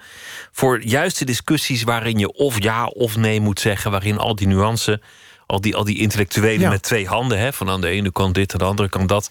Waarin die niks te, te, te zoeken hebben. De, dus juist het debat waarin je op de vuist kan. Dat, heeft een soort aantrekkingskracht. Nou, ik heb dat zelf een keer gehad. Toen werd ik uh, voor het programma Knevel en Van der Brink... omdat ik een stuk had geschreven over de Mars der Beschaving. Waarin ik aan de ene kant zei, nou, ik loop niet mee... maar ik ben ook tegen de bezuinigingen. Toen werd ik um, gebeld. Ik, ik had ook iets gezegd over subsidies... en hoe lastig dat is, aan wie je geef je het, et cetera. Dus ik werd gebeld door redactie en zei... nou, je mag geen discussie met Gijs Schot van Aschat... want jij bent tegen subsidies. En uh, vertel eens. Ik zei, ja, maar dat is niet helemaal wat ik gezegd heb. Ik zeg dit en dit. En de toon van, van, van, de, van de Mars vind ik niet helemaal mijn toon. Of, helemaal niet, daar wil ik niet in mee. Het zei, oh, zei hij, dus het ligt genuanceerder. Ik zei, ja, dan ga ik even overleggen met de redactie. En toen ben ik nooit meer teruggebeld. Daar schrokken ze van. Ze zagen een dip in de kijkcijfers. Een soort krater waarschijnlijk in, nee, ja, de kijkcijfers. In, in praatprogramma's, het is heel vaak een gek tegenover een mafklapper. Omdat het geeft goede televisie of, of, of, of goede radio soms ook. Alleen als luisteraar is, zit dat zo ver buiten je bereik... Dat, dat je er niet echt van opschuift. Je steekt er niet heel makkelijk iets van op. Uh, wat ik merkte in mijn voorstelling is dat dat... A, ligt het veel minder ver uit elkaar. Voor het grootste gedeelte van de mensen ligt het veel minder ver uit elkaar dan je zou denken. Zelfs de extreme. Zelfs nou, zeg maar de, de man die zegt... Uh, Zwarte Piet is een mooie traditie en uh, daar moet iedereen vanaf blijven. En degene die zegt het is gewoon racisme en, en je, je, je, je vernedert je medemens. Ja? Zelfs die standpunten zijn eigenlijk nog wel tot elkaar te brengen. Nou ja, wat ik ontdekte, eigenlijk door, en dat vind ik het leuke van zo'n voorstelling maken, het is meer een soort opdracht aan mezelf. Uh, ga dit uitzoeken. Dus dat, dat mensen zijn heel vaak niet tegen elkaar, maar voor iets anders. Dus die man die, die voor Zwarte Piet is, die is niet voor het beledigen van mensen. Maar die vindt, we hebben een hele mooie traditie. En, en hoezo moet dit nu eens allemaal anders? En die heeft misschien geen ogen of oren voor dat de ander gekwetst is. Dat, dat heb ik zelf ook met de eerste keer dat ik Quincy Gario met zijn t-shirt zag. Zwarte Pieter. dacht ik, wat is dit nou? En dan ga je de interviews lezen met mensen, gekleurde Nederlanders... die hoe gekwetst zijn. En, en dat opende mij, de ogen. Uh, dus dit ook. Ik heb voor deze voorstelling het, uh, boek van Anousha Zoe meegelezen. Hallo Witte Mensen. Nou, dat, dat is, uh, dat hier en daar komt dat wel binnen. Aan de andere kant ben ik ook gaan kijken naar ehm, waarom stemmen me- mensen PVV? En dat kon je ook begrijpen. Ja. Zijn, er dan kwesties die je, waar, je, waar je niet genuanceerd in bent geraakt? Zijn er nog dingen waar je echt voor staat? Waar niemand aan mag komen? Maar het wil niet zeggen dat ik nergens voor sta. Hè? Ik, eh, dat Nee, maar is denk ik, heb je een standpunt waarin je, waarin je, waar- waarin je gewoon aan, aan één kant van de polarisatie bent blijven staan? Eh, Oeh, dat is een moeilijke. Ik heb nou juist de onderwerpen gekozen die ik. Nee, lekker mooi voorbeeld. Feminisme. Dat vond ik een leuke. Want eh, ik, ik vond dat wel eens gezamenlijk. Weet je, ook over eh, vrouwen en eh, bijvoorbeeld in meer vrouwelijke ministers, meer vrouwelijke dit, et cetera. Tot ik ook eens op ehm, de site van een vereniging van vrouwelijke hoogleraren ging kijken. En dan daar staan dingen op. Bijvoorbeeld Nederland bungelt echt ver onderaan in heel Europa met het aantal vrouwelijke hoogleraren. Maar ook de getuigenissen van vrouwen in de wetenschappen. Dat is dus dat geen, geen cijfers. Vertellen vrouwen gewoon wat ze hebben meegemaakt. En dan denk je, nou, welk percentage dit ook is, hier klopt geen zak van. Dit, dit, dus wat dat betreft. ehm, ben niet onwrikbaarder geworden iets wat ik vond. Ik ben denk ik empathischer geworden voor mensen die eh, om te luisteren naar wat er wordt gezegd. Dus eigenlijk, eigenlijk valt met jou zo goed te praten dat, dat geen van jouw standpunten onwrikbaar is gebleken. Ehm, nou, de, dingen die ik neem, die ik heb in deze onderwerpen, bijvoorbeeld in, in die voorstelling over, over eh, marktwerking, ben ik woedend geweest. En, en ook bijvoorbeeld de rol van de overheid. Daar kan ik nog steeds heel. heel ik vind dat in Nederland men, de overheid heeft een slechte naam en trekt zich terug en neemt geen verantwoordelijkheid voor dingen. Ik vind dat de overheid een sterke overheid moet zijn. Niet per se een grote, maar wel verantwoordelijkheid moet durven nemen voor dingen. Daar kan ik echt heel boos over zijn. Maar nu heb ik onderwerpen gekozen, juist die dwingen tot nuance. Die dat uitlokken. Ik zeg niet. ehm, de EU bijvoorbeeld. ehm, heb ik ook wel eens een opiniestuk over geschreven in de Volkskrant. Daar denk ik van ja. Economische voorspoed helpt. Want dan, dan het gaat beter dan ooit. Maar aan de andere kant, als ik zie hoe de EU soms een soort race to the bottom afdwingt in lage lonen en pure marktwerking en dat erdoor drukt. En dan zeggen mensen, ja, het levert voorspoed op. Ja, niet als je net je baan kwijt bent geraakt of als je verdrongen raakt. Zo'n pleidooi van Ascher van we moeten wel naar een eerlijke verdeling van inkomen toe. Nou, dat, dat vind ik heel raak. Maar eigenlijk is het een gevaarlijke positie. Want in een gepolariseerd klimaat in het midden staan met een witte vlag. dan krijg je of beide partijen tegen je. Of je, krijgt- gewoon de redactie van Knevel van der Brink die zegt: Nou, we bellen je nog wel een keer terug. Hè? Hoi. Ja, maar het leuke is dat, dat ik van mijn zaal iets terugkrijg... dat mensen zeggen, ja, maar dit vind ik verfrissend. Dit, dit is fijn, want dit is waar ik ook over nadenk... en hier ga ik er alleen maar meer van nadenken. Dus ik ben, ik ben een soort van compromisloze nuance gegaan. Ik blijf het, van, weet je, merkt nu ook van... waar, waar ben je nou echt voor? Nou ja, uiteindelijk concludeer ik voor, voor luisteren in dit geval... omdat dit dingen zijn die ik expres gekozen... die, die vergen nuance. Je moet hier genuanceerd naar kijken. Het is heerlijk dat nuance radicaal is geworden. Zullen, zullen we trouwens beginnen Ja. met de, de, de, de kaartenbak? Dat is goed. Wil je een, een, een Willekeurig iets eruit halen. Ja, hè? gewoon doen. Oké. Om wie moet je lachen? ja, dat is... eh, even kijken. Wat vind ik... Theo Maassen ehm, vind ik... ehm, noem ik dan... Omdat... Ik weet nog dat, dat Dels Blok was gestopt. En ik, ik speelde zelf nog niet. En toen was op tv was functioneel naakt. En dat, dat was de eerste voorstelling waar hij geen typetjes meer in deed. En alle, alle eh, doeken waren opgehezen. Je zag een kale schouwburg. En ik weet nog dat ik zat te kijken. Zo dan. Kan dit? Is dit hoe je het kunt maken? Toen dacht ik, oh, dit is, dit is wel echt heel tof. Gewoon een man op een podium die, eh, die, die met woorden alleen de zaal bespeelt. Ja, en ook de manier waarop, weet je, dat je, dat je het lef hebt om alles erop te... Hij banjerde ook gewoon anderhalf minuut over het podium getergd. Dat ik denk, dit, is een heel ander cabaret dan wat ik, eh, dan wat ik kende. En, en, en geniale grappen. Eh, Wat ik interessant vind aan hem is... dat je nooit weet of er een platte seksgrap komt... of een intelligent, intelligente observatie aan het eind van de zin. Waardoor je ook nooit veilig achterover kunt gaan leunen. Je kunt niet gaan zitten en denken, het overkomt me wel. Want je weet, ja, de verrassing bij hem is dat het altijd van beide kanten kan komen. Laten we nog een vraag doen. Heb je wel eens iemand bedrogen? Eh, ja. Ja. Eh, ik heb als, als kind, en dan hoop ik dat mijn vader niet luistert, heb ik wel eens geld uit zijn portemonnee eh, dan gehaald om snoep te gaan kopen of dingen, omdat ik dat wilde. Eh, dat, dat is me later nog wel echt lang. Daar, daar had je spijt van. Je had een soort vroeging. ja, ja. Ik zou het eigenlijk terug moeten stoppen.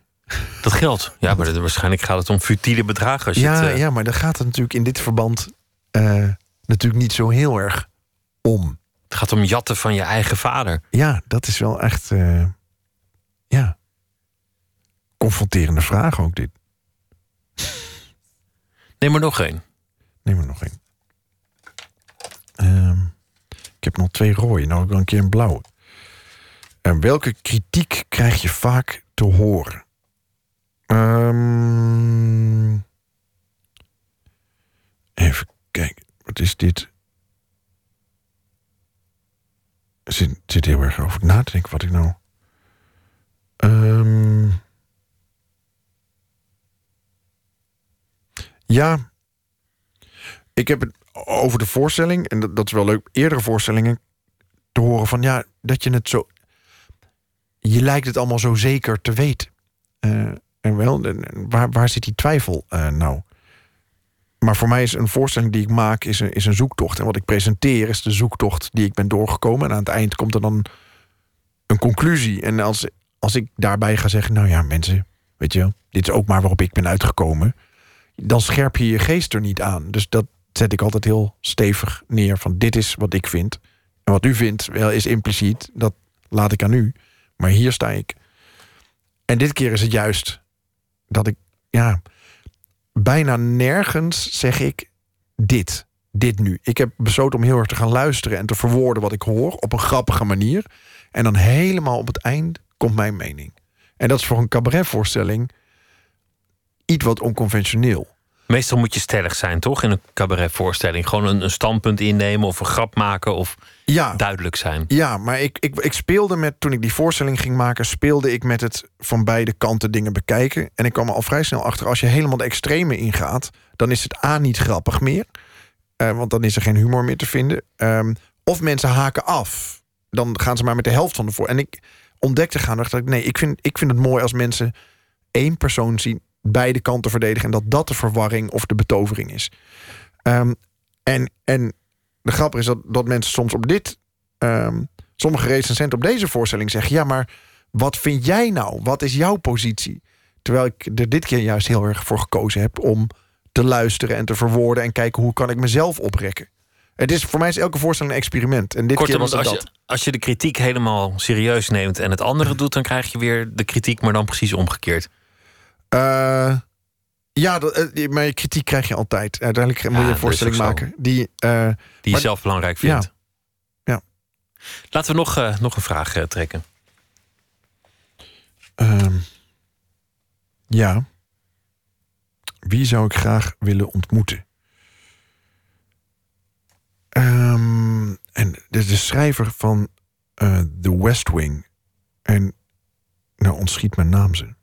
Ehm, hij heeft ook. Dit is- eh, The West Wing is een, eh, eh, De serie? de serie.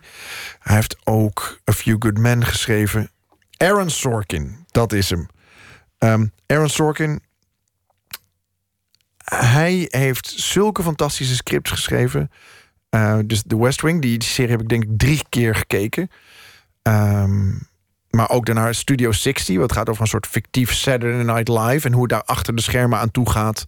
Als de halve writers room wegloopt. En nou, het prachtige dingen. Eh, ik, ik zou gewoon heel benieuwd zijn hoe hij zijn dingen maakt. Eh, alleen ik heb wel gemerkt. Ja, de betovering kan er wel afgaan in een ontmoeting. Ik heb ooit. ehm, ik was groot fan, ben groot fan van Telau, eh, zanger van de scene. En hij zat destijds bij hetzelfde impresariaat als Dels Blok. Dus toen stond ik bij een uitvoering van hem in eh, Theater Diligentia. En eh, nou, eh, Ilonka van ons impresariaat stond daar ook. En die zei, wil je hem anders even spreken? En toen dacht ik, nee. Nee, want dan sta ik daar en zeg ik, ik vind uw liedjes goed. En dan wordt dat ongemakkelijk. Kijk, ik zou graag met hem twee uur, drie uur de kroeg in zijn gegaan en hem uithoren. Maar toen heb ik gedacht, nee, ik, wil, ik hoef je niet te spreken. Laat maar. De liedjes waren Heb mooi. je ook niet gedaan? Nee, heb ik niet gedaan. Ontmoeting heeft niet plaatsgevonden. Heeft niet plaatsgevonden. Nee, Goh. en daar ben ik niet rouwig om. Nee, Nee. Ik, ik snap dat wel. Omdat je, je wil niet een, als fan daar staan en zeggen... een doetje heeft mijn leven veranderd of zo. Nee. Dat- waarom zou je? Nee, ik heb wel toen hij, eh, eh, toen hij terminaal ziek was, heb ik hem een mail gestuurd. Eh, heb ik via, via zijn, zijn mailadres kunnen achterhalen en, en gestuurd van dit heb je voor mij betekend. En eh, eh, toen dacht ik, ja, dat is goed zo. Het was een hele lieve man. Ik heb hem, ik heb hem wel eens eh, geïnterviewd. Ja. Het was, een hele, hele aardige man, was het. Jasper van Kuik, dankjewel. Veel succes met de voorstelling Janus, de vierde alweer. En dank voor je komst. Graag gedaan.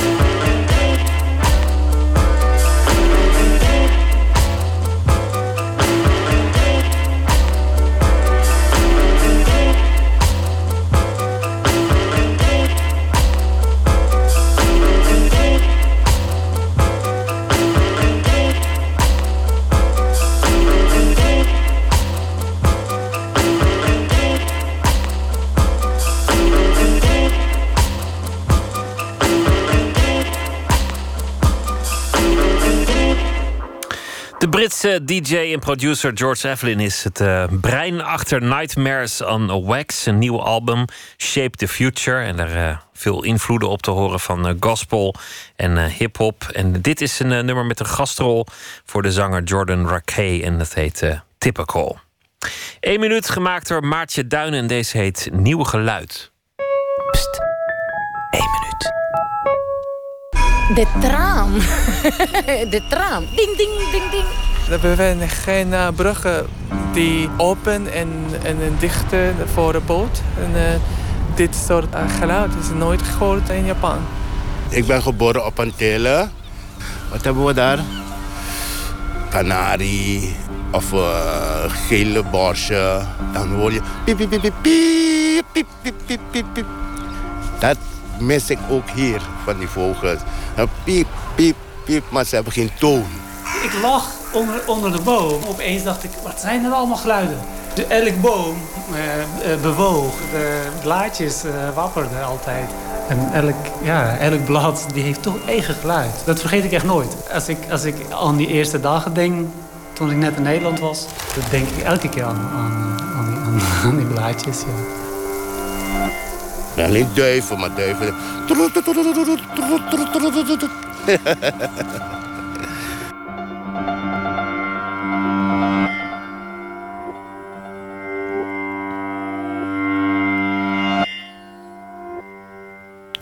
1 minuut gemaakt door Maartje Duin.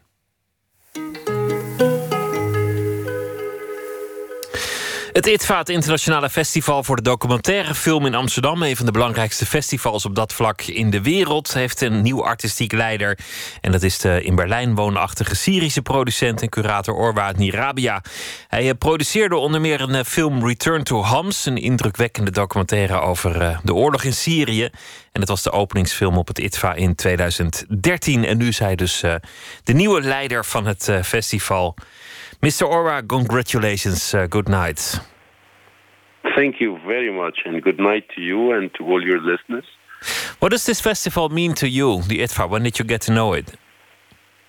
Oh, it's it's a very long friendship with ITFA. I've, uh, I believe my uh, documentary career started in ITFA uh, 12, 13 years ago, and um, it it was a continuous source of inspiration. It was uh, truly a big part of my experience and my my uh, life with documentary was connected to ITFA's different uh, activities, ITFA's different uh, services, and so on.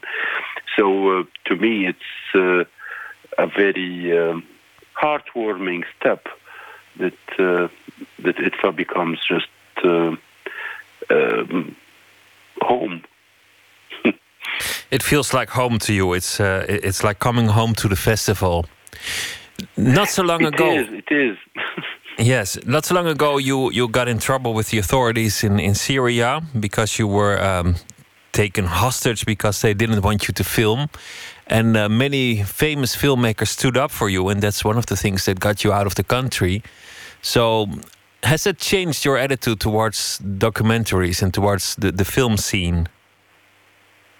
Uh, it actually made me believe in, in documentary and, and in the film uh, film branch or in in uh, this entire community of people working in film, because at the time when filmmakers managed to to free me to, to to save my life, nobody else would have had that power.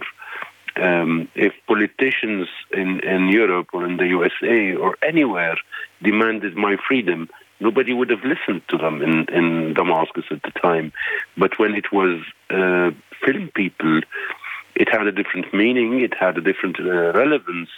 Even the most uh, notorious regime was concerned about its uh, image, its reputation in a very different way.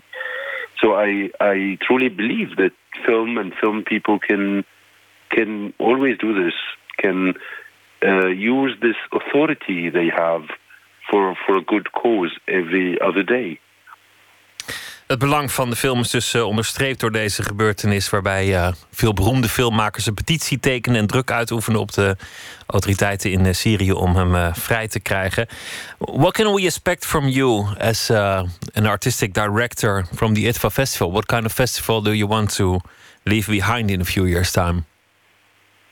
It's it's a very, of course, complicated challenge. It's a big organization. It is uh, a, a multi-layered uh, organization.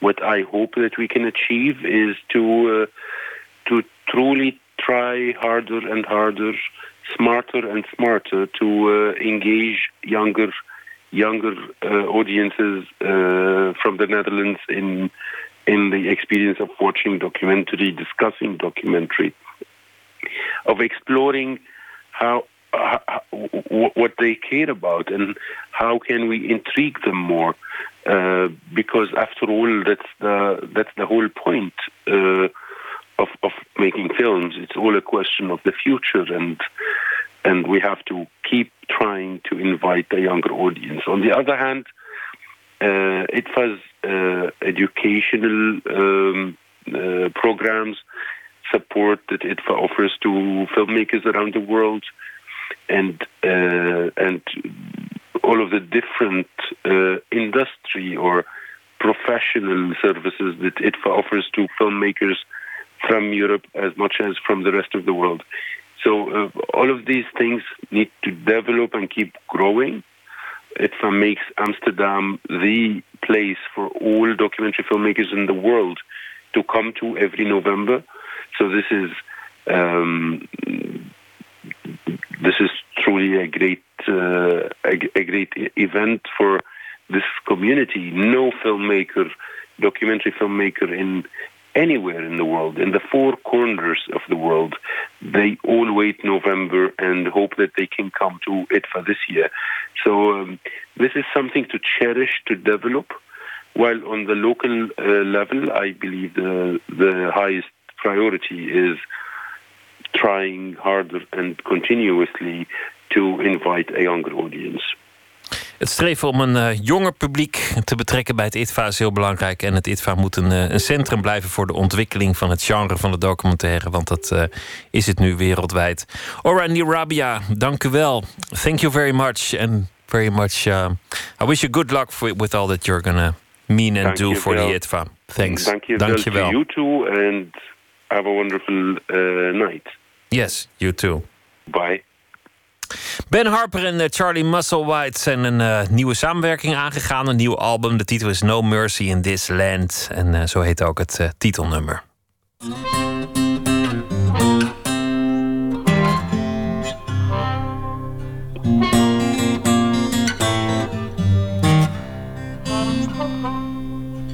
What would be the first thing you'd say to the Lord? The last thing you would dream if you couldn't dream no more. Won't you please help me to understand? Is there no mercy in this land? No mercy in this land.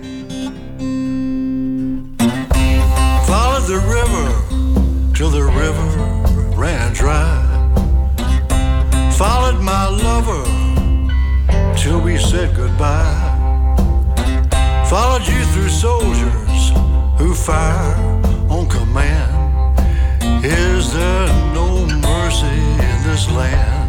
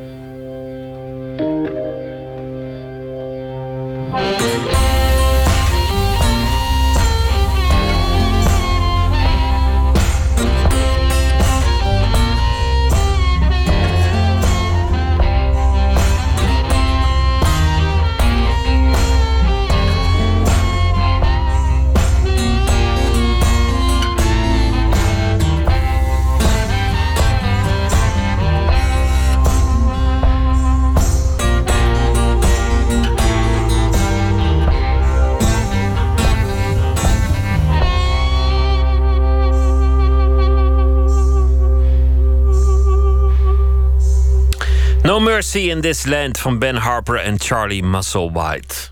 I'm not a smart man. Everybody be cool, this is a robbery! Well, when I'm good, I'm very good. But when I'm bad, I'm better. No, I'm just getting warmed up. Silly rabbit.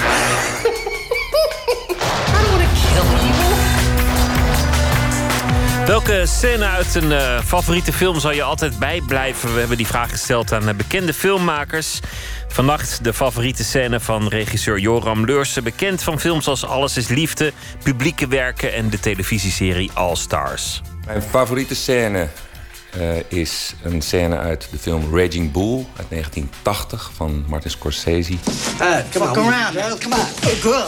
I'm gonna smack you again. Throw it again. Enough. Hard, hard. Nah, your fucking cuts are and De film gaat eigenlijk over het leven van de eh, professionele bokser Jake LaMotta. En eh, het speelt zich af in de 50 jaren, geloof ik, in Amerika, in New York. En eh, Jake LaMotta was eh, wereldkampioen middengewicht boksen. En het is eigenlijk een verhaal over zijn bokscarrière, maar ook wel over de teloorgang van eh, eh, ja, de mens Jake LaMotta. Want eh, na zijn bokscarrière werd hij heel dik en eh, eh, raakte niet erg aan de drank. En eh, raakte hij ook wel in verband met allerlei dingen met politie. Dus, en, en het is ook een beetje een verhaal over, zijn, over hem en zijn broer. Dus zijn broer die steunt hem heel erg in zijn bokscarrière. Maar er zijn twee Italiaanse jongens van, van Italiaanse afkomst. En die hebben de hele ruzie. Dus het gaat ook heel erg over hoe die twee eh, elkaar, eh, zich tot elkaar verhouden. What happens? You'll kill them. And they gotta give you a title shot. Bring me coffee, please. Why? Het is een heel erg goede sportfilm. En ik hou heel erg van Amerikaanse sportfilms. En, ehm, het, eh, maar het is ook ontzettend goed gefilmd. Eh, met hele, ik, vind- ik vind het eh, ja, heel bijzonder dat het in zwart-wit is gedraaid. En ehm, de keuzes van de shots. En er zit heel veel spanning in. En het, maar het is ook een soort heldenverhaal van een held die, eh, die eraan gaat. En het is heel menselijk daarin. Dus ehm, ja, het is mijn favoriete film. These are clean whistling shots. How he can survive them, nobody knows. De scène die ik heb uitgekozen begint, in, eh, begint eh, op de televisie. Eh, blijkt later bij eh, de broer van Jake LaMotta, van de hoofdpersoon. Dat is Joe Pesci, die broer. En die zit met zijn vrouw te kijken, want hij heeft ruzie gemaakt met zijn broer. Hij wil niet meer in de ring. Hij is eigenlijk zijn, eh, zijn coach. Ehm, en hij is er niet bij. En we zien dan dat de, het einde van de ene laatste ronde. Eh, en daarin zie je nog wat klappen. En eigenlijk is Jake staat nog best goed te boksen. En dan snijden we naar, eh, eh, eh, het echte, naar de echte ring. En daarin zie je Robert De Niro die naar zijn hoek gaat en nog een beetje verzorgd wordt. En dan begint de dertiende ronde.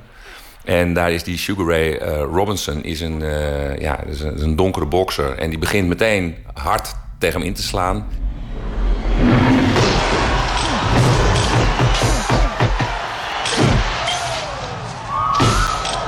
En wat heel mooi is, dus er komt op een gegeven moment een moment... dan eh, staan ze tegenover elkaar. Dan wordt het eigenlijk bijna even stilgezet, het, eh, de, de, de hele film. En dan zie je ze een beetje zo staan. En hij heeft dan een paar... Dus Jake heeft een paar flinke klappen gekregen. En die zegt, die, die, die daagt hem uit. En die zegt, kom op, kan je, is dit alles wat je kan? Een beetje zoals Muhammad Ali ook wel eens deed, als het, als het, als het helemaal misging. En eh, dan, zie je die, eh, eh, dan, dan zie je een fantastisch shot op Sugar Ray Robinson... waarin de camera eigenlijk dichter bij hem komt. Maar de zoomlens eh, eh, eh, zeg maar, weer wat uittrekt. En dat geeft een soort effect van vervreemding. De camera gaat ook een beetje naar beneden... zodat er allerlei lichten in beeld komen. En je ziet een shot van die ja, wat magere Robert De Niro... die heel erg afgetraind was voor die rol. En, die, en die staat daar ook vrij weerloos met zijn armen naar beneden. En daar gaat de camera op in. En dan begint de sequentie. Eigenlijk een hele beroemde sequentie in de Amerikaanse filmgeschiedenis. Maar ook zeker in deze film. Waarin elk shot de beestachtigheid van de boksport en ook de, de, de, ja, de, de, de, de, de, bijna, je, je ziet alleen maar shots van geweld.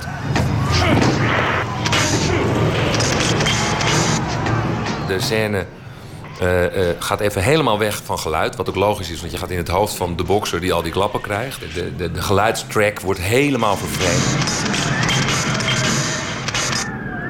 Er zit geluid onder, volgens mij van een slachthuis. Je hoort echt varkens krijsen en je hoort de wind heel hard waaien... en je hoort bellen en je hoort dat publiek. En dat, dat mixen ze allemaal en dat is waanzinnig goed gedaan. How he can survive them, nobody knows. No man can endure this pummeling. De laatste klap, die wordt heel erg, nou echt, echt eh, eh, heel vertraagd. Zie je die man nog zijn, zijn vuist opheffen.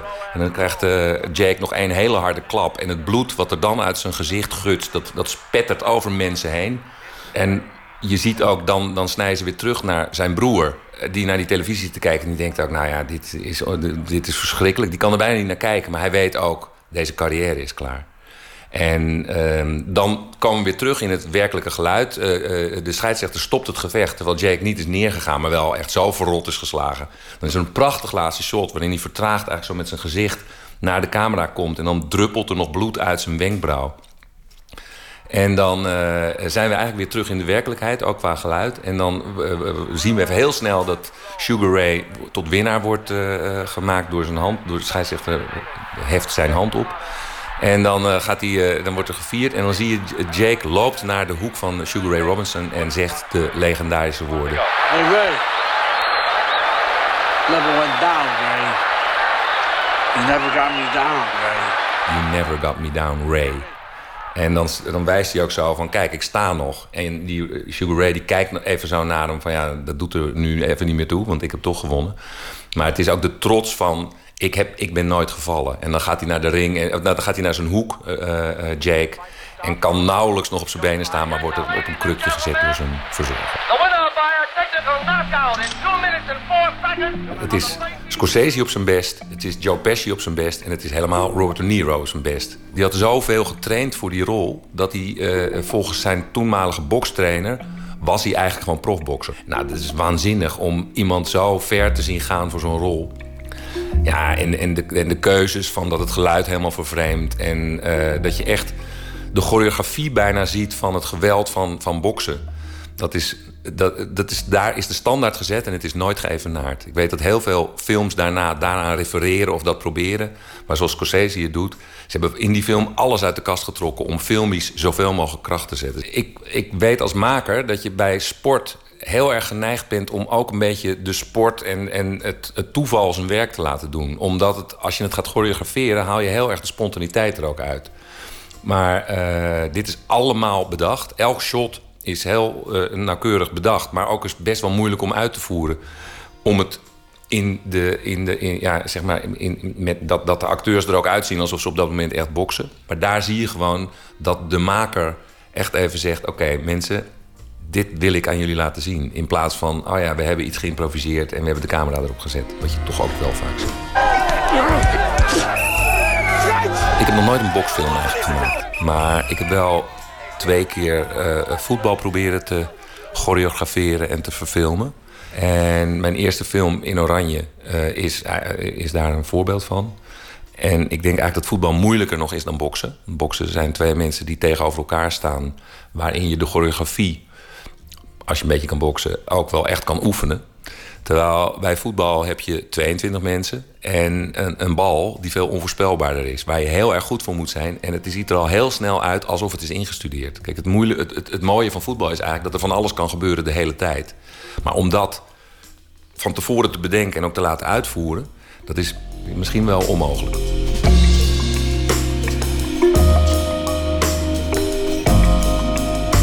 Joram Leursen over zijn favoriete scène uit eh, Raging Bull, de film over bokser Jake LaMotta. Geregisseerd door eh, Martin Scorsese. Uit 1980 kwam dat. Op de valreep van vorig jaar 2017 eh, bracht Francis and the Light een tweede album uit, Just for Us. En dit nummer heet I Won't Lie to You.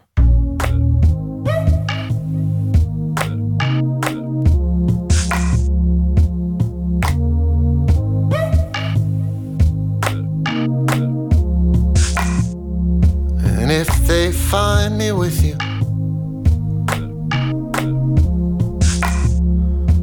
I won't lie.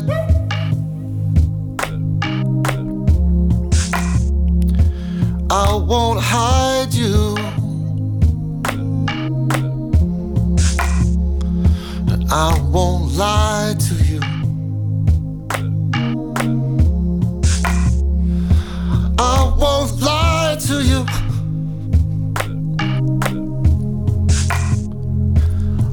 Won't lie.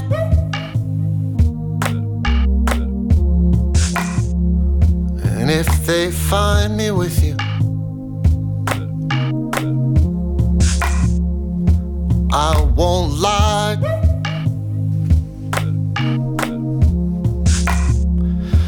They'll say I let you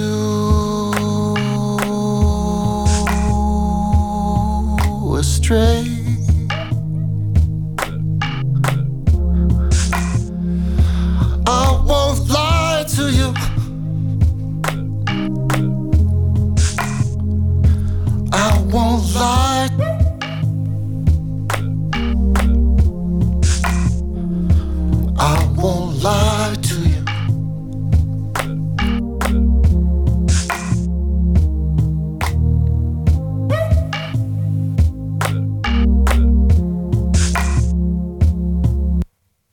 Francis and the Lights, I Won't Lie to You. Morgen in Nooit meer slapen komt eh, de Vlaamse acteur Johan Leijsen eh, op bezoek. En zometeen kunt u luisteren naar Nog Steeds Wakker van Omroep WNL. Dit eh, wordt hun laatste uitzending. Na vele prachtige uitzendingen en jarenlang fantastische inzet... gaan ze wat anders doen. En er komt weer een ander programma voor terug. Maar dat merkt u volgende week wel. Zometeen dus nog één keer genieten van Nog Steeds Wakker van Omroep WNL. Veel plezier daarbij en ook veel succes aan deze gewaardeerde makers. Goeienacht.